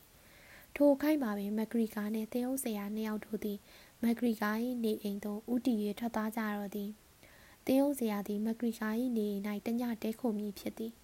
ဤတွင်အဲလိစ်ဘတ်သည်ကျန်သူများ၏နောက်ဘက်ခလန်းလန်းမှလိုက်လာခဲ့သည်ဖလော်ရီသည်သူမ၏နောက်ဘက်သို့ပြေးလိုက်သွားရာကလတ်ကိဝသို့ရောက်ခါနေတွင်မိလာလေတော့သည်အဲလိစ်ဘတ်သူမကလဲကြည့်လိုက်ရာသူ့ကိုမြင်သွားတော့ကြောင့် မျက်နှာဖြူပတ်ဖြူရောဖြစ်သွားကစကားတခုမှမပြောဘဲခတ်တုတ်တုတ်ဆက်သွားရန်ပြင်လိုက်သည်တို့ရတဲ့အလွန်စိတ်ပူပန်နေသောဖလော်ရီယာသူမ၏လက်ကောက်ဝဲအားဖန်ဆွဲထားလိုက်သည်အဲလိစ်ဘတ်ကိုမင်းနဲ့စကားပြောမှဖြစ်လိမ့်မယ်ကျမသွားပြရစီရှင်လှုပ်ပါသူတို့နှစ်ယောက်သည်တယောက်တပြန်ဆွဲလာရန်လာဖြစ်နေကြပြီးသည့်နောက်ပြုံးကနေရက်တန့်သွားသည်ဖျားရှိကိုကြောင်းထဲမှထွက်လာသောကရင်မျိုးသားနှစ်ယောက်သည်မလန်းမကန်းလင်းတဝက်မောင်တဝက်နေရာမှရက်၍သူတို့ကိုစိတ်ဝင်စားစွာစောင့်ကြည့်နေသည် ဖလော်ရီယာအတန်ကိုနှိပ်၍ထပ်ပြောလိုက်သည်အဲလစ်ဘတ်ကိုမင်းကိုအခုလိုတားပိုင်ခွင့်မရှိဘူးဆိုတာကိုသိပါတယ်ဒါပေမဲ့ကိုမင်းနဲ့စကားပြောမှဖြစ်မယ်ကိုပြောမယ့်စကားကိုကျေးဇူးပြုပြီးနားထောင်ပါမင်းကိုစီကထွက်မပြေးပါနဲ့ရှင်ဘာရီလုံနေတာလဲရှင်ကဘာဖြစ်လို့ကျမလက်ကိုဖမ်းဆုပ်ထားရတာလဲအခုချက်ချင်းလွတ်ပေးပါလွတ်ပေးပါမယ်ဒါပေမဲ့ကိုပြောတာကိုတော့ကျေးဇူးပြုပြီးနားထောင်ပေးပါဒီမေကုံကိုတော့ဖြည့်စမ်းပါ အခုလိုဖြစ်ပျက်ပြီးတဲ့နောက်ပိုင်းမှာမင်းကိုကိုခွင့်လွတ်နိုင်မလားရှင့်ကိုခွင့်လွတ်ရမယ်ဟုတ်လားရှင့်ကိုခွင့်လွတ်ရမယ်ဆိုတာဘာလို့ဆိုလိုတာလဲကိုရေးလဲလဲအဆက်ကွဲသွားပြီဆိုတာကိုသိပါတယ်အခုဖြစ်တဲ့ကိစ္စကအဆိုးဆုံးပါပဲဒါပေမဲ့အဲ့ဒါကိုအဖြစ်တော့မဟုတ်ပါဘူးမင်းစိတ်တည်ငြိမ်လာတဲ့အခါကျရင်နားလည်လာပါလိမ့်မယ်အခုချိန်မှာတော့မင်းကတိတ်ဆိုးတဲ့ကိစ္စလို့ထင်ပါပဲဒါပေမဲ့နောက်ပိုင်းကျရင်မင်းထားအောင်မေးဖြစ်နိုင်မယ်ထင်သလား ရှင်ဘာရီလာပြောနေရဲဆိုတာကျမနားမလည်ဘူးဘာအောင်မေးရမှာလဲအဲ့ဒါကျမနဲ့ဘာဆိုင်လို့လဲအဲ့ဒီကိစ္စကတိတ်ယုံစရာကောင်းတယ်လို့ကျမထင်တယ်ဒါပေမဲ့အဲ့ဒါကကျမကိစ္စတော့မဟုတ်ဘူးရှင်ရှင်ကကျမကိုဘာဖြစ်လို့မိခွန်းတွေထုတ်နေသလဲဆိုတာကျမနားမလည်တော့ဘူးအီရင်ဖလော်ရီသည်သွေးပြက်လူမတက်ဖြစ်သွားလေတော့သည်သူမ၏လေတံဤစကားလုံးများသည်ခက်စောစောပိုင်းကသူတို့နှစ်ယောက်စကားများခဲ့စဉ်ဟာသူမအသုံးပြုခဲ့သောစကားများပင်ဖြစ်သည်လောက်ရက်ကလည်းရခင်တိုင်းပင်ဖြစ်သည် သူပြောသည့်စကားများကို လုံးဝနားမထောင်ပဲသူ့ကိုရှောင်သွားပြီတော့မည်ဖလော်ရီယာသူမအားမြည်သို့မြပြောဆိုပိုင်ခွင့်မရှိလေဟန်တမင်နှိမ်ပေးအောင်တော်မည်အဲလစ်ဘတ်မိကိုကိုအဖြေပေးစမ်းပါကို့ဘော်မှာမျက်မျက်တတဆက်ဆံစမ်းပါကွာခုချိန်မှာပိုပြီးအရေးကြီးပါတယ်ကိုပြောခဲ့တဲ့စကားတွေအားလုံးကိုကိုချက်ချင်းပြန်ရုပ်သိမ်းပြစ်လိုက်မယ်လို့မင်းမျော်လင့်မထားသင့်ဘူးကိုအခုလိုလူလဲကောင်မှရှက်ခွဲခံလိုက်ရတဲ့အချိန်မျိုးမှာမင်းမလုပ်ရဘူး ဒါပေမဲ့ဘာပဲပြောပြောမင်းကကိုနဲ့လက်ထပ်ပါမယ်ဆိုတဲ့ကတိပေးတဲ့အဆင့်ထိတော့ရောက်ခဲ့ပြီပဲဆိုတော့ဘာပြောလဲရှင့်ကိုလက်ထပ်ပါမယ်လို့ကတိပေးခဲ့တယ်ဟုတ်လားကျမဘယ်တော့ကကတိပေးခဲ့ဘူးလို့လဲနှုတ်နဲ့ပြောတာမဟုတ်ဘူးဆိုတာတော့ကိုသိပါတယ်ဒါပေမဲ့အဲ့ဒါကကိုတို့နှစ်ယောက်ကြားမှာနားလည်မှုတွေရှိထားကြတဲ့ကိစ္စပါကျမတို့နှစ်ယောက်ကြားမှာအခုလိုကိစ္စမျိုးอ่ะဘယ်တော့မှသဘောမတူခဲ့ဘူးပါဘူးရှင်းလို့ပုံကင်မုံနေရတိတ်ကိုစိုးနေပြီ ကျမကလစ်ကိုချက်ချင်းသွားတော့မယ်မင်္ဂလာရှိတော်ညနေခင်းမှာအဲလစ်ဘတ်နားထောင်စမ်းပါဦးကိုစကားလုံးဝနားမထောင်မဲ့အပြစ်တင်တာတော့မသိမျောပါဘူးကိုရင်တော့ဘာတွေလုပ်ခဲ့ပူးတယ်ဆိုတာမင်းသိပါတယ်မင်းနဲ့တွေ့တဲ့အချိန်အားစပြီးကိုကိုချိုးပြောင်းခဲ့တယ်ဆိုတာကိုမင်းသိပါတယ်။ခဏညနေပိုင်းမှာဖြစ်ခဲ့ရတဲ့ကိစ္စဟာမတော်တဆဖြစ်ပွားခဲ့ရတဲ့ကိစ္စတစ်ခုပါ။ဝန်ခံမဲဆိုရင်အဲ့ဒီယွန်းစရာကောင်းတဲ့အမျိုးသမီးဟာတစ်ချိန်တုန်းကကိုရဲ့ ကျမနားမထောင်ခြင်းဘူး။အဲ့ဒါမျိုးတွေနားမထောင်ခြင်းဘူးကျမသွားမယ်။ဖလော်ရီတီအဲလစ်ဘတ်၏လက်ကဝတ်ကိုနောက်တစ်ကြိမ်ဆုပ်ကင်လိုက်ပြီးယခုအကြိမ်တွင်ပြန်မလွတ်ပဲစက်ကင်ထားတော့သည်ကံကောင်းကျင်တော့ကရင်မျိုးသားနှစ်ယောက်လည်းမရှိကြတော့မရအောင်မရအောင်မင်းနားထောင်ရလိမ့်မယ်အခုလိုမတင်မကြဖြစ်နေတာမျိုးထက်စားရင်ကိုကမင်းကိုစိတ်ဆိုးတာကိုခံကျင်သေးတယ်တပတ်ပြီးတပတ်တလပြီးတလကြာခဲ့သည့်တိုင်အောင် မင်းနဲ့ကိုတစ်ချိန်တစ်ခါမှဖြောင်ဖြောင်တန်တန်စကားပြောခွင့်မရခဲ့ဘူးကိုဘယ်လောက်ထိခံစားနေရတယ်ဆိုတာမင်းသိပုံနဲ့မရအောင်ခူးဆိုင်ပုံနဲ့မရအောင်ဒါပေမဲ့အခုချိန်မှာတော့မင်းကိုအဖြစ်ပေးရလိမ့်မယ်သူမသည်သူ့လက်တွင်မှရုန်းကန်လိုက်သည်သူမသည်အံ့ဩစရာကောင်းလာအောင်တန်ဆွမ်းနေသည်သူမ၏မျက်နှာသည်သူမြင်ဘူးသမျှထက်ပို၍ဆိုးဆိုးဝါးဝါဒေါပွနေသည်သူမဖလော်ရီယာမုန်တီလွန်လာသောကြောင့်သူမ၏လက်များသည်သာလွတ်လွတ်လပ်လပ်ရှိနေမည်ဆိုပါက သူ့ကိုရိုက်ပြစ်လိုက်လိမ့်မည်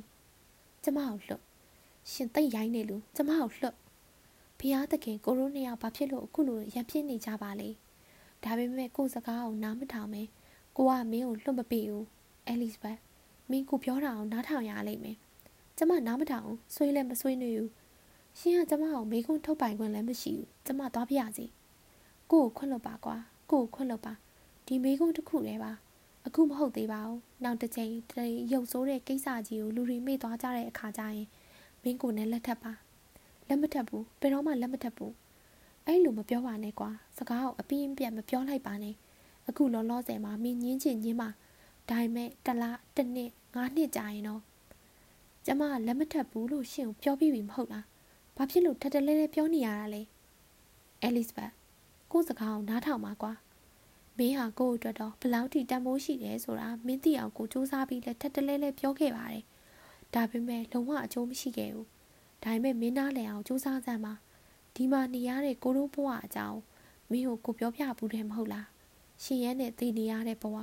အထီးကျန်နိုင်လွန်းလာတဲ့ဘဝကိုကိုတနာပါအဲ့ဒါဟာဘလောက်ထိစိုးရတယ်ဆိုတာမင်းနားလည်အောင်စူးစမ်းပါဒီကဘာပေါ်မှာကိုကိုခဲတင်နိုင်တဲ့တူးတဲ့တော်လူဟာမင်းပါပဲ ရှင်ကျမမလွတ်တော့ဘူးလားရှင်ဘာဖြစ်လို့ဒီလောက်ရုပ်ပြက်စင်ပြက်ဖြစ်အောင်လုပ်နေရတာလဲကိုမင်းကိုချစ်ပါတယ်လို့ပြောတဲ့စကားမင်းအတွက်အထိပ္ပယ်လုံးဝကင်းမဲ့နေလို့လားကိုမင်းစီကဘာလို့ကျင်နေဆိုတာကိုမင်းသဘောမပေါက်ဘူးဆိုတာကိုမယုံကြည်ဘူးကိုမင်းနဲ့လက်ထပ်ရပြီမယ်မင်းကိုလက်ဖျားနဲ့တော့မထိရဘူးဆိုရင်မထိပါဘူးလို့ကိုကတိပေးပါမယ်မင်းသာကိုနဲ့အတူတူနေမယ်ဆိုရင်အဲ့ဒါမျိုးတော့ကိုတီးခံပါမယ် ဒါပေမဲ့ကိုဘွားမှာတယောက်တည်းအတီးကျန်ဘွားနဲ့တော့နေမသွားကျင်တော့ဘူးမင်းကိုဘယ်နည်းနဲ့မှခွင့်မလွတ်နိုင်တော့ဘူးလားခွင့်မလွတ်ဘူးခွင့်မလွတ်ဘူးကဘာပေါ်မှာရှင်တယောက်တည်းကြံခဲ့ရင်တော့ရှင်ကိုကျွန်မလက်မထပ်ဘူးကျွန်မကတပြက်စီးလဲတဲ့သူနဲ့ပဲလက်ထပ်လိုက်မယ်အဲလီဇဘတ်ကိုတော့ဒီသူမတကယ်ပြောလိုက်ခြင်းဖြစ်ကြောင်းသူနားလဲသွားသည်ဖလော်ရီမရိပ်ရီဆိုးလာသည်သူထပ်ပြောလိုက်ပြန်သည်ကိုနောက်ဆုံးတစ်ချိန်ပြောမယ်ကိုကိုချစ်တဲ့လူနဲ့နေရတဲ့ဘဝဟာတိတ်ကောင်းတယ်ဆိုတာမသိစေချင်တယ် မင်းဟာကိုထက်ပိုပြီးချမ်းသာတဲ့လူအသက်ပုံငယ်တဲ့သူကိုထက်အရာရာမှာပိုပြီးတာတဲ့လူတွေနဲ့တွေ့ကောင်းတွေ့ပါလိမ့်မယ်ဒါပေမဲ့မင်းကိုကိုလောက်ချစ်တဲ့လူသားမျိုးတော့မင်းရှာတွေးမှာမဟုတ်ပါဘူးပြီးတော့လဲကိုကမချမ်းသာပေမဲ့မင်းကိုအ ਨੇ ဆုံးအိမ်တဆောင်မိတပြောင်နဲ့တော့ထားနိုင်မှာပါမင်းဟာကောင်းကောင်းမွန်မွန်တသားနာနာနေရမှာပါတော်လောက်ရောပေါ့အဲလစ်ဘတ်ကတင်းငိမ်စွာနဲ့ပြောလိုက်သည်တယောက်ယောက်ပေါ်မလာခင်ကျမသွားပြရစီ သူသည်သူမ၏လက်ကဝယ်အားစောက်ကင်ထားမှုကိုလျှော့ပေးလိုက်သည်သူမကိုလက်လွတ်ဆုံးရှုံးရပြီသူမျက်စိထဲတွင်သူစိတ်ကူးထသည်သူတို့၏အိမ်ကိုပြန်၍မြင်အောင်လာမိသည်သူကသွေးယူသွေးရန်ပြောလိုက်သည်မင်းစန်းနီယာတလုံးလည်းရှိမှာပါကျမစန်းနီယာမတီးတတ်ပါဘူးသူကသူမကလှုပ်ပေးလိုက်သည်ဇက်ပြောနေ၍လည်းအကျိုးမရှိတော့ဘူးသူကလှုပ်ပေးလိုက်သည်နဲ့တပြိုင်တည်းသူရှိတွင်ရှိနေသည်ကိုမုံတီးလာတော့ကြောင့်သူမသည်ကလတ်ချံဝင်းထဲသို့ကမန်းကတန်းဝင်ပြေးလေတော့သည် တစ်ပင်များကြားသို့ရောက်ရှိသောအခါသူမသည်မျက်မှန်ကိုချွေ၍မျက်နှာပေါ်မှမျက်ရည်စာများကိုတုပ်ပြက်လိုက်သည်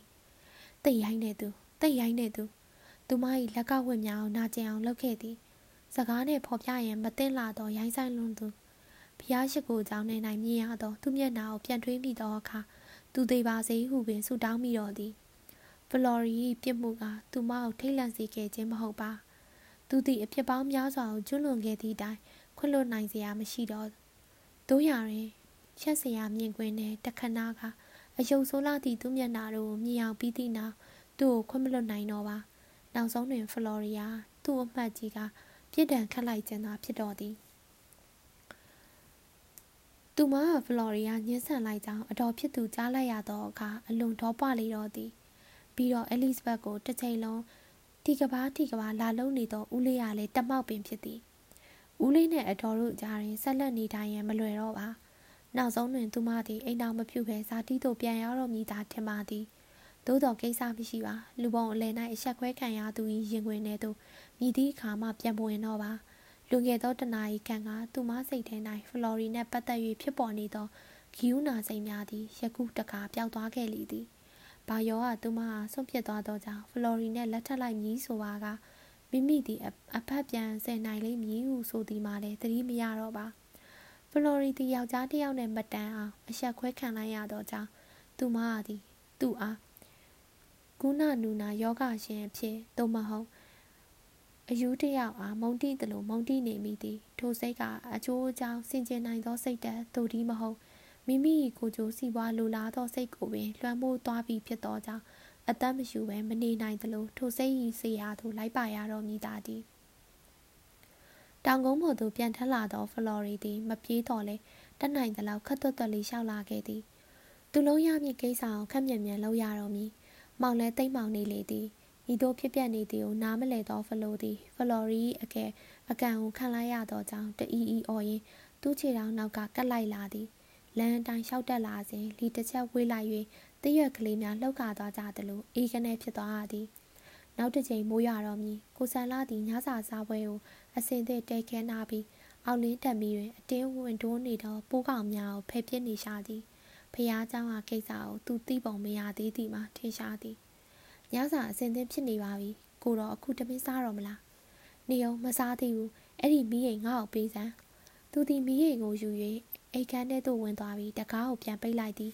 စီကရက်မီကိုနန်းနဲ့အောက်တိုးတိုးဖုန်နန်းတို့ဟာသူ့ကိုစီးကြိုနေလိုက်သည်ဖြူဖွေးနေတော့လဲလင်းသွားလိုက်မိန်သွားလိုက်ဖြစ်နေသောအောင်လင်းတံမီရောင်ထဲတွင်ပိုတက်နေသောစာအုပ်များနဲ့နေရန်ပေါ်မှအိမ်မြောင်များကိုသာမြင်ရသည်သူသည်နောက်ဆုံးတွင်ဘဝဟောင်းစီသို့ပြန်လည်ရောက်ရှိသွားခဲ့လေသည်ထိုဘဝကိုကြိတ်မိတ်တီးကန်ရန်မဖြစ်နိုင်ပါပြီလောသူသည်ရခင်ကလိုတီးကန်ခဲ့ဘူးသည်သူ့ဘဝကိုအထောက်အကူပြုမိစာအုပ်များသူ့ပန်းချံသူ့အလုပ်မိမလိုက်စားမှုအရက်တောက်ခြင်းတောပြစ်ထွက်ခြင်း ဒေါက်တာနဲ့စကားသမီးပြောခြင်းစသောကိစ္စများရှိနေပါသေးသည်တော်ပြီဒီဘဝကိုသူဆက်လက်၍တီးမခံနိုင်တော့ပြီအဲလစ်ဘတ်ရောက်လာချိန်ကစား၍သူ့ဘဝသည်အသစ်ဖြစ်လာခဲ့ရသည်ပေါ့ပေါ့နေပေါ့ပေါ့စား၍နေခဲ့ရသောဘဝသည်အဆုံးသတ်ခဲ့လေသည်ယခုသူသည်ထိုဝေဒနာကိုပြန်ခံစားရမည်ဆိုပါကပို၍ဆိုးချေတော်မူမကြမီသူမသည်တယောက်ယောက်နဲ့လက်ထပ်ပေးလိမ့်မည်သူသည်ထိုသတင်းကိုကြားနိုင်စွမ်းမရှိပါသူမလက်ထပ်သောညတွင် အိုးသူတွေး၍ပင်မကြည့်ရဲ့သူသည်အဲ့ရအောင်မှာယူနီဖောင်းတစ်တာကိုဆွဲထုတ်လိုက်ပြီးနောက်အော်တိုမတ်တစ်ပစ္စတိုကိုထုတ်ယူပြီးချီတကတ်ကိုထဲ၍တနက်ပြောင်းတဲ့သူကြီးစံတတောင်သွင်းထားလိုက်သည်ကိုဆန်လာအတွက်တည်တန်းစာထဲတွင်ထည့်ရေးပြီးဖြစ်သည်ဖလိုကိစ္စကကြံနေသေးသည်သူသည်ပစ္စတိုတနက်ကိုစပွဲပေါ်တွင်ချထားပြီးသည့်နောက်အပြင်သို့ထွက်သွားသည်ဖလိုသည်ကိုဆန်လာ၏အငယ်ဆုံးသားဖားရှင်နှင့် မိဖို့ကြောင့်နဘေးရှိမိဖို့နားတွင်စော်ကစားနေသည်ဖလိုသည်ဖားရှင်ကိုကြိုက်တော်မိဟန်ဖြင့်ပါဇက်ဖြဲပြပြီးနောက်မိဖို့ပက်လယ်တွင်ပြေးလွှားနေသည်ဘားရှင်သည်စိတ်ထဲကကြောက်နေတော့လဲပြေးရရင်ဖလိုကိုမထီတထီပြန်ရိုက်နေသည်ဖလိုဒီယိုလာခဲ့စမ်းဖလိုဖလော်ရီအတန်ကိုကြားလိုက်ရသောဖလိုသည်တေတေဝဲဝဲကလေးပြန်တက်လာခဲ့သည်တို့ရရင်အိတ်ခမ်းတကားနာနာရက်တက်နေသည်တခုကိုမှားရွေ့နေပြီဟုဖလိုရိမ့်မိသွားပုံရသည်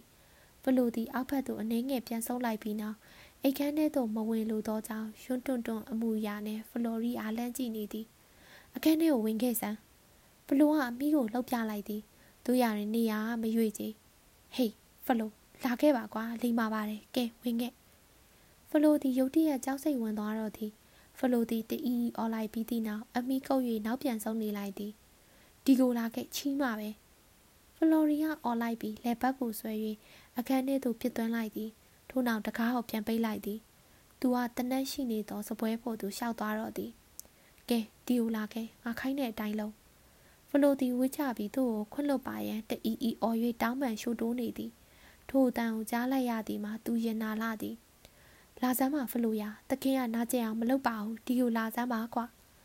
ဖလိုသည်သူ့ချီရင်နာသူရအောင်ကျမ်းမြင့်ပေါ်တွင်ဘိုင်းနဲ့တွားသွားပြီးတိုးကပ်လာသည် ဖလိုသည်မောမကြည့်ဝင်းသည့်အလားဦးကောင်းအောင်အောက်သို့ငုံထားသည်တခိုက်ကွာသို့ရောက်သောအခါဖလော်ရီသည်ဖလို၏ဦးခေါင်းအစိမ့်စိမ့်မွားမွားဖြစ်သွားအောင်တန်တန်းနှင့်ပြစ်ထည့်လိုက်လေတော့သည်အပြင်ဘက်သို့ထွားကျလာသောအုံနောက်များသည်အနီရောင်ကတိပါနှင့်တူလာသည် သူကအဲ့ဒီလိုဖြစ်မှာလားဒါဆိုရင်ခေါင်းကိုမပြစ်ပဲနှလုံးကိုပြစ်ရမည်အစီကံတန်းရများမှအစီကံများအော်ဟစ်ပြီးပြေးလာကြသည့်အတန်ကိုကြားနေရသည်ပ ထမတနတ်တန်ကိုကြားလိုက်ရသောကြောင့်ဖြစ်ပေသည်သူသည်ကိုအင်းကြီးကိုကမန်းကနန်းဆုပ်ဖြဲပြစ်ကတနတ်ပြားကိုရှက်အင်းကြီးပေါ်တွင်ဖိကတ်လိုက်သည်ဖလော်ရီသည်တနတ်မောင်းကိုလက်မနှင့်ဆွဲလိုက်သည်အခန်းထဲသို့ကိုဆန်လာပြေးဝင်လာသောအခါသူသည်တည်နေသောခွေးကလေးဖလိုကိုသာဖြုံးကနေမြင်လိုက်ရသည်ထို့နောက်ကရင်၏တစ်ဖက်၌အပေါ်သို့ထောင်နေသောဖလော်ရီခြေထောက်နှစ်ချောင်းကိုသူမြင်လိုက်ရတော့သည်သူကကလေးများအခန်းထဲသို့ဝင်ခွင့်မပေးရန်တခြားအစီကံများအော်ပြောလိုက်ရာ အားလုံးအထိတ်တလန့်အော်ဟစ်ပြီးအခန်းဝမှပြန်ထွက်သွားကြလေတော့သည်ဘားဖီဝရဏနာပေါ်မှပြေးဝင်လာချိန်တွင် ကိုဆန်လာသည် ဖလော်ရီအလောင်းအောက်၌ဒူးထောက်ထိုင်ချလိုက်သည် သူ့ကိုယ်သူပြက်လိုက်တာလားငါလည်းအလိုထင်တာပဲသူ့ကိုပက်လက်အနေထားဖြစ်အောင်လှန်ထားလိုက်ဟေးဟိုမှာကြည့်စမ်းကလားဆရာဝန်ကိုသွားခေါ်ပြီးတော့ခက်မြင်မြန်ခေါ်ခဲ့ကွာဖလော်ရီရှက်အင်းကြီးပေါ်တွင်မင်းနှိပ်ဆက်ကူကို ခဲတံနဲ့ဖောက်ထားသော အပေါက်တစ်ပေါက်ထက်ပိုမကြီးလာသည်တေတေတက်တက်အပေါက်တစ်ပေါက်ရှိသည် သူသေးနေသည်မှထင်ရှားသည်တခြားအစီကံများဖလော်ရီအလောင်းကင်တွယ်ရန်ညှင်းဆန်ကြသောကြောင့်ကိုစံလာသည်ဖလော်ရီအလောင်းကတင်ပေါ်သို့ခက်ခက်ခက်ခဲဆွဲတင်လာသည်မိနစ်20အကြာတွင်ဆရာဝန်ရောက်လာသည်သူသည်ဖလော်ရီဒန်ယာရသွားကြောင်းမသိမကွယ်သိလိုက်ရသဖြင့်တဲတဲမဲမဲရွာချနေသောမိုးရေထဲတွင်ဘိုက်စကယ်နှင့်တောင်ကုန်းပေါ်သို့အပြင်းထန်နီး၍ပြေးတက်လာခဲ့ခြင်းဖြစ်သည် သူသည်ဘိုက်စကယ်ကိုပန်းကင်းပေါ်တွင်ဖြစ်ချထားခဲ့ပြီးနောက်ဝရဏပေါ်သို့ကမန်းကတန်တက်လာခဲ့သည်သူသည်အသက်မရှူနိုင်အောင်မောဟိုက်နေသလိုမိုးရေဆိုနေသောမျက်မှန်များလည်းရုတ်တရက်ကြည့်မရပါသူကမျက်မှန်ကိုချွတ်လိုက်ပြီးသည့်နောက်အဝေးမှုန်နေသောမျက်လုံးများနဲ့အိယာနာသို့ကပ်၍ကြည့်လိုက်သည်ဘာဖြစ်တာလဲမိတ်ဆွေကြီးဟာခမည်းဘယ်နားမှာဒဏ်ရာရသွားတာလဲအိယာအနာသို့ရောက်သောအခါသူကအထိတ်တလန့်အော်မေးရတော့သည်ဟေးဘာဖြစ်တာလဲကွာသူဘာဖြစ်တာလဲ သူ့ကိုယ်သူတနက်နဲ့ပြစ်လိုက်ပါတယ်တခင်ဒေါက်တာသည်ဒူးထောက်ထိုင်ကြားလိုက်ပြီးနောက်ဖလော်ရီရှက်အင်းကြီးကိုပြဲသွားအောင်ဆုပ်ဖြဲပစ်လိုက်သည်ထို့နောက်ရှင်ဘက်ကိုနေရွက်နဲ့ကဲ့၍နားထောင်လိုက်သည်သူ့မျက်နှာ၌အထိတ်တလန့်အမှုရာများဖြစ်လာသည်သူကအလောင်းကိုပခုံးကကင်ရင်အတင်းခါရမ်းပြစ်လိုက်သည်လက်ထက်ဖက်သည်အိယာနှစ်ပေသို့ပျော့ခွေပြီးကျသွားလေတော့သည်ဒေါက်တာသည်ထိုလက်ကိုပြန်မယူလိုက်ပြီးတဲ့နောက်ထိုလက်ကိုကင်ထား၍ပြုံးကနေငိုချလိုက်လေတော့သည် တမျက်နှာလုံးရှုံမဲ့နေသောကိုဆန်လာသည်အိယာချေတွင်ရက်နေသည်ဒေါက်တာသည်မတ်တက်ရက်ကသူ့စိတ်ကိုမထိန်နိုင်တော့ပဲကတိကိုမိ၍အတန်ကြဲကြဲနှင့်ရုပ်ဖြက်စင်ပြန်ကိုချလိုက်လေတော့သည်သူပကုံးများသည်တုံတုံရီရီနှင့်လှုပ်နေသည်ထို့နောက်သူသည်ကိုကိုကိုပြန်ထိန်လိုက်ပြီးနောက်ကိုဆန်လာဘက်သို့ပြန်လှည့်လိုက်သည်ဘလို့ဖြစ်တာလဲကျွန်တော်တို့တနက်တန်နှစ်ချက်ကြားပါတယ်သူ့ကိုသူဖြစ်တယ်ဆိုတာသိကြပါတယ်ဘာဖြစ်လို့လဲတော့မသိပါဘူး သူတမင်ဖြစ်တယ်ဆိုတာမင်းကဘလို့လုပ်သူသိရရလဲဒါဟာမတော်တဆဖြစ်တာရောမပြောနိုင်ဘူးလားအဖြေပေးနေသည့်အနေနဲ့ကိုဆန်လာကဖလိုကြီးအလောင်းလက်ညှိုးထိုးပြလိုက်သည်ဒေါက်တာသည်ခိတ္တမြစဉ်းစားနေလိုက်ပြီးသည့်နောက်အလောင်းကိုအိယာကင်းနဲ့ကျင်ကျင်လဲလဲပတ်လိုက်သည်ထို့နောက်ဦးကောင်းပတ်နှင့်ခြေထောက်ပတ်ထဲတွင် အထုံးထုံထားလိုက်သည်ဖလော်ရီတည်သွားချိန်တွင် အမတ်ကြီးသည်ချက်ချင်းမိမ့်မိန်သွားပြီး မိခိုးရောင်အစွန်းထင်းတစ်ခုပမာခက်ဖြော့ဖြော့များသာရှိတော်သည်ခွေးကိုချက်ချင်းမြင်မြုပ်ပြလိုက်သူ့တနက်ကိုတန်ရှင်းရေးလုပ်ရင်းမတော်တဆမှန်သွားတာပါလို့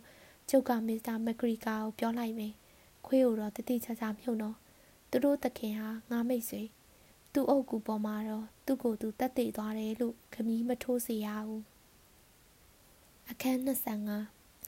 တင်းအောင်စရာကြောက်တရားမျိုး၌ရှိနေခြင်းကြောင့်နောက်တနေ့ညနေရထားနဲ့မပြန်မီ အာတုပအခန်းနာ၌ကျန်းစာများကိုရွတ်ဖတ်ပေးနိုင်ခဲ့ုံများသာမကကွယ်လွန်သူ၏ဂုံပုံးများကိုပင်ခတ်တူတူမိကုံးပြောကြားနိုင်ခဲ့သဖြင့်ကံကောင်းသည်ဟုဆိုရမည်မျက်နှာဖြူအားလုံးသည်ကွယ်လွန်ကြချိန်တွင်ချီကျူးထိုက်သူများသာဖြစ်ကြသည်ဒေါက်တာဘာယာစွာမီယာသူ၏ဆေးဘက်ဆိုင်ရာအတတ်ပညာမျိုးစုံနှင့်ဖလော်ရီတည်ဆုံးမှုသည်မတော်တဆမှုကြောင့်ကွယ်လွန်သွားခဲ့သည်ဖြစ်ကြောင်းအထောက်အထားများပြခဲ့ကြသောကြောင့် မတော်တဆထိခိုက်ဒဏ်ရာရရှိပြီးတည်ဆုံးခြင်းဖြစ်သည်ဟုမှတ်တမ်းတင်ခဲ့ကြသလို၎င်း၏အုပ်ကူတွင်လည်းရင်ကဲ့သို့ဂမီးထိုးခဲ့ပေးလေသည်တို့ရရင်လူတိုင်းဟာယုံကြည်လက်ခံကြသည်အတော့မဟုတ်ပါဖလော်ရီ၏တင်ကြိုင်ဂမီးမှန်မှန်မှာအောက်ပါမှတ်ချက်ပင်ဖြစ်ပါတော့သည်ဖလော်ရီလားဟဟုတ်တာပေါ့ဟိုမွေးရပါအမှတ်ကြီးနဲ့အသားခညူညူအကောင်လေးသူဟာ1926ခုနှစ်တုန်းကကြောက်တရားမှာသူ့ကိုယ်သူတနက်နဲ့ပြစ်တက်ပြီးတည်သွားတယ် မိမတယောက်အတွက်တည်သွားတယ်လို့ပြောကြတယ်တော်တော်အသုံးမကျတဲ့တောက်ယူပဲဖလိုရီဤကဲ့သို့ဖြစ်ရသည့်အတွက်အဲလိဇဘက်ကလွယ်၍တခြားသူများထူးထူးခြားခြားအံ့ဩကြလိမ့်မည်မဟုတ်ပါမြန်မာနိုင်ငံ၌နေထိုင်ခဲ့ကြသောအင်္ဂလိပ်လူမျိုးတော်တော်များများသည်ကိုကိုကိုတတ်သိသွားကြသလိုထိုကဲ့သို့တတ်သိကြသည့်အတွက်တန်တော်ဖြစ်เสียအကြောင်းလည်းသိမရှိခဲ့ပါချေဖလိုရီတည်ဆုံးမှုကြောင့်နောက်ဆက်တွဲဖြစ်ရန်အများအပြားဖြစ်ပေါ်ခဲ့ရသည် ပရမဦးဆုံးနဲ့အရေးကြီးဆုံးဖြစ်ရန်မှာဒေါက်တာပါယာစွာမိအရေးနှိမ်သွားခြင်းပင်ဖြစ်သည်ရခင်ကမျက်နှာဖြူတယောက်၏မိတ်ဆွေဖြစ်နေမှုကြောင့်အကာအကွယ်ရရှိမှုမှန်သမျှသည်ကွယ်ပြောက်သွားလေတော့သည်ဖလော်ရီသည်မျက်နှာဖြူများအကြားတွင်ထဲဝါသူမဟုတ်တော့လဲမျက်နှာဖြူတယောက်ပင်ဖြစ်နေသေးသောကြောင့်သူနှင့်မိတ်ဆွေဖြစ်မှုကသူ့အားအထိုက်လျောက်ခုန်တက်စေခဲ့သည်သူသိဆုံးသွားသည်နှင့်တပြိုင်နက်ဒေါက်တာပါယာစွာမိအရေးနှိမ့်ရတော့သည်မှာတည်ကြသွားခဲ့လေသည် ဦးဖိုးကျင်သည်အခါခွင့်ကိုစောင့်ပြီးသည့်နောက်ရခင်ကားထက်ပို၍ပြင်းထန်စွာနောက်တစ်ကြိမ်ထိုးနှိုက်တိုက်ခိုက်ပြန်သည်သုံးလပင်မပြည့်သေးသောသောအချိန်အတွင်း၌ကြောက်တသားရှိမျက်နှာဖြူအားလုံး၏စိတ်ထဲတွင်ဒေါက်တာပါယာစွာမိသည်ကန်းကုံအောင်ဆိုးရွံ့သူဖြစ်ကြောင်းဆွဲထင်၍သွားကြလေတော့သည်ထိုကိစ္စနှင့်ပတ်သက်၍လူသိရှင်ကြားဆွဆွဲခြင်းမျိုးတော့မရှိပါလူသိရှင်ကြားဆွဆွဲမှုမျိုးဖြစ်မပေါ်လာအောင်ဦးဖို့ကျင်အားအထူးတလဲကယူဆိုင်သည် အဲလစ်ကိုတိုင်ပင်ဒေါက်တာသည်အလွန်ဆိုးရွားသူဖြစ်ကြောင်းလက်ခံထားတော်လဲမြည်သည့်ပြစ်မှုကြောင့်စိုးသည်ဟုကင်မောတက်ရမည်ဖြစ်ကြောင်းသူမသိချေဒေါက်တာအားတန်တရားဝင်မှုများသည်တဆင်ပြီးတဆင်ရင့်ကျက်သွားပြီးနောက်ရှုပ်တယ်ဆိုသောအဆင့်ထိရောက်ရှိသွားလေတော့သည်ဒေါက်တာပါယာစွာမိသည်သူနီးသူဟန်နှင့်တော်သူဖြစ်သည်တိုင်းရင်းသားဆရာဝန်တယောက်အနေနဲ့ဆရာဝန်ကောင်းများဖြစ်သည်တို့ရရင်သူသည်ရှုပ်လွန်းသည်ရှုပ်သည်ဆိုသောစကားအတိတ်ပဲမှာ မယုံကြည်ရခြင်းပင်ဖြစ်ပြီးတိုင်းရင်းသားအရာရှိတယောက်ရှုပ်သည်ဟုအပြောခံရပါကလမ်းဆုံးသည့်ရောက်သွားကြသည်ပင်ဖြစ်ပေတော့သည်ကြောက်စရာကောင်းလာသောကောင်းကျိတ်မှုများမျက်စပြင်းမှုများသည်အထက်ပိုင်းသို့ဆင်ကဲဆင်ကဲရောက်ရှိသွားပြီးနောက်ဒေါက်တာပါယာစွာမိသည်လက်ထောက်ခရိုင်ဆရာဝန်အဆင့်သို့ယာထူးချခံခဲ့ရပြီးမန္တလေးစေယုံသို့ပြောင်းသွားရလေတော့သည်သူသည်ထိုစေယုံ၌ပင်ရှိနေသေးသလိုလိုဆက်လက်၍လည်းရှိနေအောင်မည်မှာတည်ကြလှသည် မန္တလေးသည်နေထိုင်၍မကောင်းသောမြို့တစ်မြို့ဖြစ်သည်ဖုန်ထူသည်အလွန်ပူသည်ဖျားเจ้าငံများနှင့်ဘုံတော်ကြီးများပေါ်များသည်ထို့အတူအမျိုးညံ့သူကဲပါများပြည့်တစားများဝက်များလည်းအလွန်ပေါ်များသောမျိုးဖြစ်သည်ထို့အတူမန္တလေးစေးရုံကြီး၌လှုပ်ရိုးလှုပ်စင်တာဝန်များကလည်းညီငွေစရာကောင်းလာပေသည်ဒေါက်တာသည်စေးရုံဝင်းနှင့်မနီးမဝေးရှိတထက်အိမ်ကလေးတစ်လုံးတွင်နေထိုင်သည်ခြံဝင်းမှာတီးငယ်ပြီးခြံဝင်းပတ်လည်တွင်တုပ်ပြားများနှင့်ကာထားသည် ဒေါက်တာပါယာစွာမိသည်ရော်နေသောသောလားစာကိုကာမိအောင်ညနေပိုင်းတွင်ကိုပိုင်စည်းကမ်းကလေးဖွင့်လှစ်ထားသည်သူသည်ကလားရှိနေများသာမကြာခဏလာလေးရှိသောဒုတိယတန်းစားကလပ်တစ်ခုတွင်မမအဖြစ်ဝင်ရောက်ထားသည်ထိုကလပ်၏တစ်ခုတည်းသောဂုံယူစရာအချက်တစ်ခုမှာမျက်နှာဖြူမှန်ပါတယောက်ရှိနေခြင်းပင်သည်ထိုသူသည်အရက်သေးစာအလွန်ကျော်တောက်စားမှုဖြင့်အေယာဝတီဖလိုတီလာကုမ္ပဏီမှအလုပ်ထုတ်ခံလိုက်ရသော ဂလတ်စကိုမြို့သားလျှက်စစ်ပတ်ဆိုင်ရာဝန်ထမ်းမက်ဒေါဂေါဆိုသူဖြစ်သည်ယခုသူသည်ဝက်ရှော့တစ်ခုကိုထောင်ပြီးမတေယုံတမဲဝန်းစာရှာစားနေရသည်မဲထဝဲသည်တန်လိုင်းနှင့်ဝီစီကလွယ်၍ဘာကိုမှစိတ်ဝင်စားသူဖြစ်သည်မျက်နှာဖြူများသည်မြည်သည့်အခါတွင်မှပေါ်ကြောင်ကြောင်လူစားမျိုးမဟုတ်နိုင်ဟုယုံကြည်ထားသောဒေါက်တာဘာယာစွာမိသည်ထိုလူနှင့်ဘ ഹു တုတကျွဲဝသောစကားများကိုပြောဆိုနိုင်ရန် ညစီကြိုးပမ်းအားထုတ်ခဲ့တော်လဲအရာမထင်ခဲ့ပါကြီးဖလော်ရီတေတန်းစာအရာရူပီးငွေ400အမွေရလိုက်သောကိုဆန်လာသည်သူ၏မိသားစုများနှင့်အတူဈေးထဲတွင်လက်ဖက်ရည်ဆိုင်လေးတစ်ဆိုင်ဖွင့်လိုက်သည်တို့ရတွင်လက်ဖက်ရည်ဆိုင်ပြုတ်သွားရသည်အမျိုးသမီးနှစ်ယောက်အချိန်ပြည့်ရန်ဖြစ်နေပါကထိုဆိုင်ပြုတ်ရမည်မှာမလွဲပေထို့ကြောင့်ကိုဆန်လာနှင့်ဘားဖေတို့သည်ယခုအလုတ်ကိုပင်ပြန်လို့ကြရတော့သည် ကိုဆန်လာသည်ဝိုင်းရဲ့အစီကံကောင်းတစ်ယောက်ဖြစ်သည်ကိုဆန်လာသည်ကြေးစားမိမများရှာဖွေပေးတတ်ခြင်းငွေချေးစားသူများနှင့်ဆက်ဆံတတ်ခြင်းသခင်အရက်မူးလာချိန်တွင်အိယာပေါ်သို့ရအောင်တင်ပေးခြင်းနောက်တစ်နေ့မနက်တွင်လမ်းဆန်းလာစေပြီးအစားအစာများကိုချက်ပြုတ်ကျွေးမွေးတတ်ခြင်းအင်မတန်အသုံးဝင်သည့်ကိစ္စရပ်များဖြစ်သောအဝေးချုပ်တတ်ခြင်းအဆုတ်ဖာတတ်ခြင်းရန်တောက်များ၌ရန်ဖြစ်ပေးတတ်ခြင်း မြင်းကြောင်တတ်ခြင်းဝစ်စုံကိုမိဖို့တိုက်တတ်ခြင်းညစာထမင်းစားပွဲကိုပုံစံမျိုးစုံလိဖြတ်ထားသောဟင်းသီးဟင်းရွက်များစီဆိုးထားသောထမင်းပွဲများနှင့်လှလှပပဖြစ်အောင်အနုစိတ်စီစဉ်တတ်ခြင်းစသောအလုပ်များကိုလုပ်ကင်ပေးတတ်သူဖြစ်သည်ထို့ကြောင့်သူသည်တလားနှင့်လားကအဖြစ်ငွေ90ရရှိသူဖြစ်သည်တို့ရတွင်ဖလော်ရီနှင့်အနေကြားလာသောကိုဆန်လာနှင့်ဘာဖီတို့သည်အပြင်းထူသောအကျင့်ဆိုးရခဲ့ကြသည်ဖြစ်ရာ ဤသည့်နေရာတွင်မှအတီတကျလောက်ကင်ရခြင်းမရှိဘဲတနေရာပြီးတနေရာပြောင်းရွှေ့၍လောက်ကင်နေရသည်သူတို့နှစ်ယောက်သည်တစ်နှစ်လုံးဆင်းရဲနွားပါကြသည်ဖြစ်ရာခြာတိတ်ကလေးဘားရှင်သည်ချောင်းအလွန်ဆိုပြီးပူအိုက်သောညတညတွင်တိတ်ဆုံးသွားလေတော့သည်ယခုအချိန်တွင်ကိုစံလာသည်ရန်ကုန်ရှိစံပွဲစားတယောက်၏လက်ထောက်ဖြင့်ဝင်ရောက်လောက်ကင်နေသည်ထိုစံပွဲစား၏ဇနီးတဲ့အချိန်ပြည့်မြည်တွန်းတောက်တီးနေသောအမျိုးသမီးတယောက်ဖြစ်သည်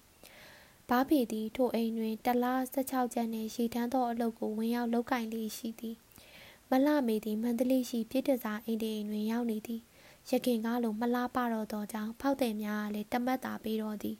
တချို့ဟာမူတစ်ခါတရံတွင်ခြေထောက်နှက်ပင်ကန်သွားတတ်ကြသည်သည်သူမသည်ဖလော်ရီအသက်ရှင်စဉ်ကပျော်ပျော်ရွှင်ရွှင်နေခဲ့ရပုံများကိုတွေးမိပြီးထိုစဉ်ကသူ့ထံမှချူ၍ရထားသောငွေများကိုစုဆောင်းထားရကောင်းမှမသိခဲ့သောကြောင့် သူတို့အားလုံးနဲ့တွင်နောက်နာအရာဆုံးလူဖြစ်ခဲ့လေသည်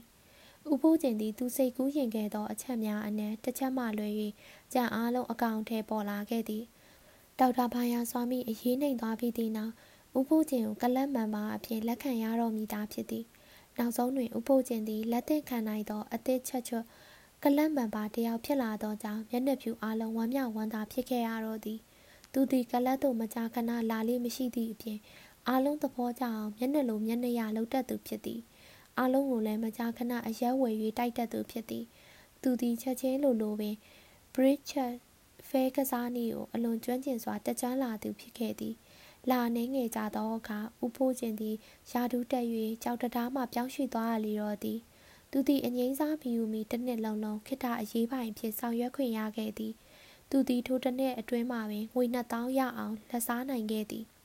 သူသည်အငိမ့်စားယူပြီးတလားအကြတွင်အိန္ဒိယအစိုးရချီးမြှင့်သောဆုတစိတ်ကိုလက်ခံရန်အတွက်ရန်ကုန်တွင်ကျင်းပသည့်ဒါဘာစုနင်းသပင်သို့တက်ရောက်ရန်ဖိတ်ကြားခြင်းခံရလေတော့သည်ထိုဒါဘာစုနင်းသပင်ပွဲသည်အလွန်ကြီးကျယ်ခမ်းနားသောပွဲတစ်ပွဲဖြစ်သေးသည်ဘရင်ကန်ကြီးများသည်ယူနီယန်ဂျက်အလံများပန်းပွင့်များနှင့်လှပစွာစီရင်ထားသောဆင်းမြင့်ပေါ်ရှိတလွန်နှင့်တူသောကလတ်ထိုင်များပေါ်တွင်ထိုင်နေလေသည် ဘီရင်ကန်ကြီး၏နောက်ဘက်တွင်အတွင်းရိပ်အတွင်းဝင်များနှင့်အတွင်းဝင်များဝင်းရံပြီးမတ်တက်ရက်နေသည်ခမ်းမဆောင်ကြီးထဲတွင်တကွန်အလံများကိုကင်ဆောင်ထားကြသောအရက်ရှိရှိမုတ်စိတ်မွေးဖွားဖွားနှင့်ဘီရင်ကန်ကြီး၏ကိုရံတော်များသည်တလက်လက်တောက်ပနေသောဖျောင်းရုပ်ထုများပပမတ်တက်ရက်နေကြသည်ခမ်းမဆောင်အပြင်ဘက်တွင်မူပင်ခေယာတီးဝိုင်းကမကြာခဏတီးမှုန်နေလေသည်ခမ်းမဆောင်ထဲရှိလေသာဆောင်ထဲတွင် အင်ကြီးဖြူနှင့်ပန်းရောင်ဘဝဝစ်စင်ထားသောမြမအပြိုးသပိများအပြည့်အနှံ့ရှိနေသည်ထို့အတူခမ်းမဆောင်ထဲတွင်စုရရှိမည့်လူတရာကျော်ခန့်လည်းဆောင်ဆိုင်နေကြသည်ထိုလူများမှာမန္တလေးပစိုးများအောင်တောက်တောက်ပြောင်ပြောင်ဝစ်စင်ထားသောကလားများတလွယ်များပါဝင်အခမ်းအနားဝစ်စုံကိုပြည့်စုံစွာဝစ်စင်ထားသောပြည့်တိရှအစိုးရများငွေလက်ကန်ယူတန်တရှိများကိုပကုံးတွင်လွှဲထားကြပြီးသပင်ဖြူများကိုရောင်တစောင်းထုံထားကြသော သူကြီးအိုကြီးများလိုပဲဖြစ်သည်အတွင်းဝင်တယောက်ကကြည်လင်ပြတ်သား၍အောင်မြင်သောအတန်ဖြင့်ငွေကြုံများအတွင်းမှစာရွက်များကိုထုတ်ယူကာစုတစိတ်မျိုးမျိုးကြီးညာလျက်ရှိသည်ဥပိုးကျင်အလှဲ့သို့ရောက်ရှိသောအခါအတွင်းဝင်အားစာရွက်ကိုကြည့်၍ဖတ်ကြားလိုက်သည်ရိတ်ခါတော်ရာလက်ထောက်အရေးပိုင်မင်းဥပိုးကျင်သည်ဘရင်အမှုတန်းကိုတစ္ဆာရှိစွာဖြင့်နှစ်ရှည်လာများတာဝန်ထမ်းဆောင်ခဲ့သည့်အပြင်အထူးသဖြင့်ကြောက်တရားခရိုင်၌ဖြစ်ပေါ်ခဲ့သော အလွန်ဆိုးရလာသည့်ပုံကံထားကြမှုကြီးကိုအချိန်မီနှိမ်နှင်းလိုက်နာအောင်ဆွန်းဆွန်းတမန်ကူညီခဲ့သည့်အတွက်ဤတွင်သူ့ကိုတွဲ၍ထုပေးရန်တမင်ခေါ်လာသောအဖော်နှစ်ယောက်ကဥပိုးကျင်အောင်မတ်တက်ရက်နိုင်အောင်တွဲ၍ထုပေးလိုက်သည်သူသည်စင်မြင့်စီသို့ရက်ကန်ရက်ကန်နဲ့လျှောက်သွားကသူ့ဝမ်းပိုက်ကခွင့်ပြုသလောက်ဥညွတ်အလေးဖြူကဘယင်ကန်ကပေးရသောဆုတစိတ်များနဲ့ချီးမြှင့်ဂုဏ်ပြုမှုခံယူခဲ့သည် ထိုခိုက်တွင် လေသာဆောင်ရှိမက်ခင်နှင့်အပေါင်းအသင်းများဝမ်းသာအားရလက်ခုပ်လက်ဝါးတီးလိုက်ကြသည်သာမကဘဝများကိုလည်းဝေယမ်း၍ပြသလိုက်လေသည်ဥဖိုးကျင်သည်လူတို့ဆောင်ရွက်နိုင်စွမ်းရှိသမျှကိစ္စမှန်သမျှကိုဆောင်ရွက်ပြီးစီးခဲ့လေသည်ယခုသူသည်တမလွန်ဘဝအတွက်ကုသိုလ်ကောင်းမှုပြုရန်သာကြံတော့သည်သူတို့ရတွင်ကံမကောင်းအကြောင်းမလာသောကြောင့်သူစိတ်ကူးစိတ်တန်းတကွက်သည်ဤနေရာတွင်ပြတ်ကြားခဲ့ရလေသည် ဒါပါစုနှင်းသပင်ပွဲပြီး၃ရက်အတွင်းတွင်ဥဖိုးကျင်သည်လေတင်တုံးဖြတ်ပြီးစကားတခုံးမှမပြောနိုင်တော့ပဲတည်ဆုံးခဲ့ရလေသည်ကံကြမ္မာကိုကာကွယ်နိုင်ပြီးတန်ကြပ်ကအင်ကြီးမရှိပါမခင်မှာဝမ်းနဲ့ပလက်ဖြစ်ခဲ့ရလေသည်ဥဖိုးကျင်အတွက်မခင်ကကောင်းမှုကုသိုလ်များပြုလုပ်ပေးသည့်တိုင်အောင်အကျိုးထူးလိမ့်မည်မဟုတ်ပါမိမိကိုယ်တိုင်ပြုလုပ်မှကုသိုလ်ရမည်သာဖြစ်သည်ဥဖိုးကျင်သည်တမလွန်ဘဝတွင် အလျံကြီးကြီးတောင်းလောင်နေသောမိကြီးမိခဲများရှိနေသည်မြေအောင်ငရဲသို့ရောက်ရှိမည်မှာသို့မဟုတ်အမောင်အတိကျနေသောငရဲသို့ရောက်ရှိနိုင်မည်သောသို့မဟုတ်မွေနှကားကြီးများကြီးစိုးနေသောငရဲသို့ရောက်ရှိနေမည်လောသို့မဟုတ်ဥဖို့ကျင်သည့်အစိုးရဆုံးသောငရဲများမှလွတ်မြောက်လာသည့်တိုင်အောင်ဖာကျွတ်စသောတရိษံတစ်မျိုးမျိုး၏ဘဝဖြင့်ကဘာပေါ်သို့ပြန်ရောက်ရှိလာနိုင်ပွဲရှိသည် ယခုချိန်တွင်သူသည်မွေတကောင်၏ဝါမျိုးမှုကိုပင်ခံကောင်းခံနေရလေဖွယ်ရှိသည်အဲလီဇဘတ်မှလည်းရခင်ကသူမမျှော်လင့်ထားခဲ့သည့်ထက်ပို၍အကျိုးထူးခဲ့လေသည်ဖလော်ရီတည်ဆုံးပြီးသည့်နောက်မစ္စလက်ကာစတင်သည်ဟန်ဆောင်မျက်နှာဖုံးများကိုခွာချလိုက်ပြီးကြောက်တတားတွင်အဲလီဇဘတ်အတွက်ခင်မုန်းကောင်းမရှိတော့ကြောင်းထို့ကြောင့်မေမျိုးသို့မဟုတ်ရန်ကုန်သို့လာပေါင်းများစွာတားရောက်နေထိုင်ရမည်တနည်းတနည်းသာရှိတော့ကြောင်းပြောင်ဖွင့်ပြောလေတော့သည်တို့ရတွင်မစ္စလက်ကာစတင်သည် အဲလီဇဘတ်ကိုမေမျိုးသို့မဟုတ်ရန်ကုန်သို့တယောက်တည်းလွှတ်လိုက်၍လည်းမဖြစ်သူမနဲ့လိုက်ပါသွားရမည်ဆိုပါကလည်းမစ္စလက်ကာစတင်အားအရက်လွန်ယောဂဖြင့်တည်ဆုံးသွားအောင်လက်တွေ့သိမ့်မိတ်ချလိုက်သလိုဖြစ်သွားနိုင်မိသည်လာပေါင်းများစွာကုန်လွန်ခဲ့လေသည်မိုးရသည်ကလည်းအထိုးအထိတ်ကာလသို့ရောက်ရှိခဲ့လေသည်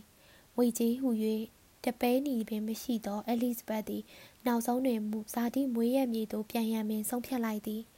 ထိုအချိန်တွင်အရေးပိုင်မစ္စတာမက်ဂရီကသူမလက်ထပ်ခွင့်တောင်းလေတော့သည်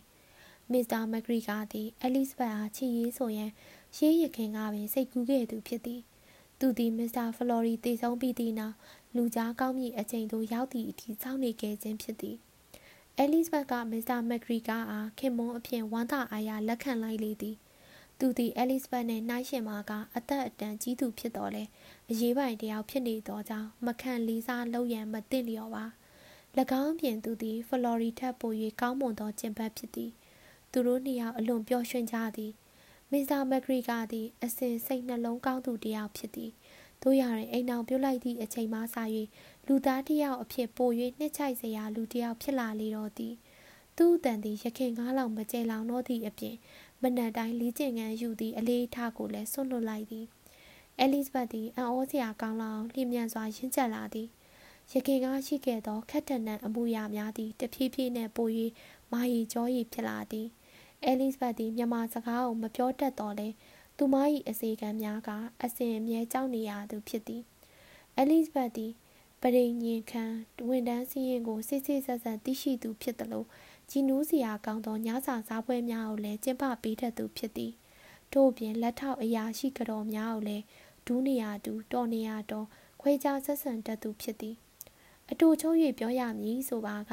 သူမ၏မွေးရပါတတိစိတ်တွင်ပါလာသောမျက်နှာဖြူသခင်မစိတ်တက်ကသူမရောက်ရှိနေသောအဆင့်အတန်းနှင့်ကိုက်ညီစွာနေတတ်အောင်အထောက်အကူဖြစ်စေခဲ့သည်ဟုဆိုရပေလိမ့်မည်သာဖြစ်သည်မောင်မြင့်ကျွဲစတင်ပြန်ဆိုသည့်နေ့16ရက်10လ1983ပြန်ဆိုပြီးစီးသည့်နေ့ 8ရက်1လ1984ဆရာမောင်မြင့်ကျွဲဘာသာပြန်ဆိုရေးသားထားတဲ့မြန်မာပြည်မနေ့ရက်များဆိုတဲ့စာအုပ်ကလေးကိုအစအဆုံးဖတ်ပြလို့ပြီးပါပြီရှင်။နောက်ထောင်ပေးပါတော့စာဖတ်ပရိသတ်တယောက်ချင်းစီကိုလည်းအထူးပဲကျေးဇူးတင်ပါတယ်။စာဖတ်ပရိသတ်များအားလုံးကျမ်းမာချမ်းသာ၍ဘေးရန်တွေများကင်းရှင်းကြပါစေရှင်။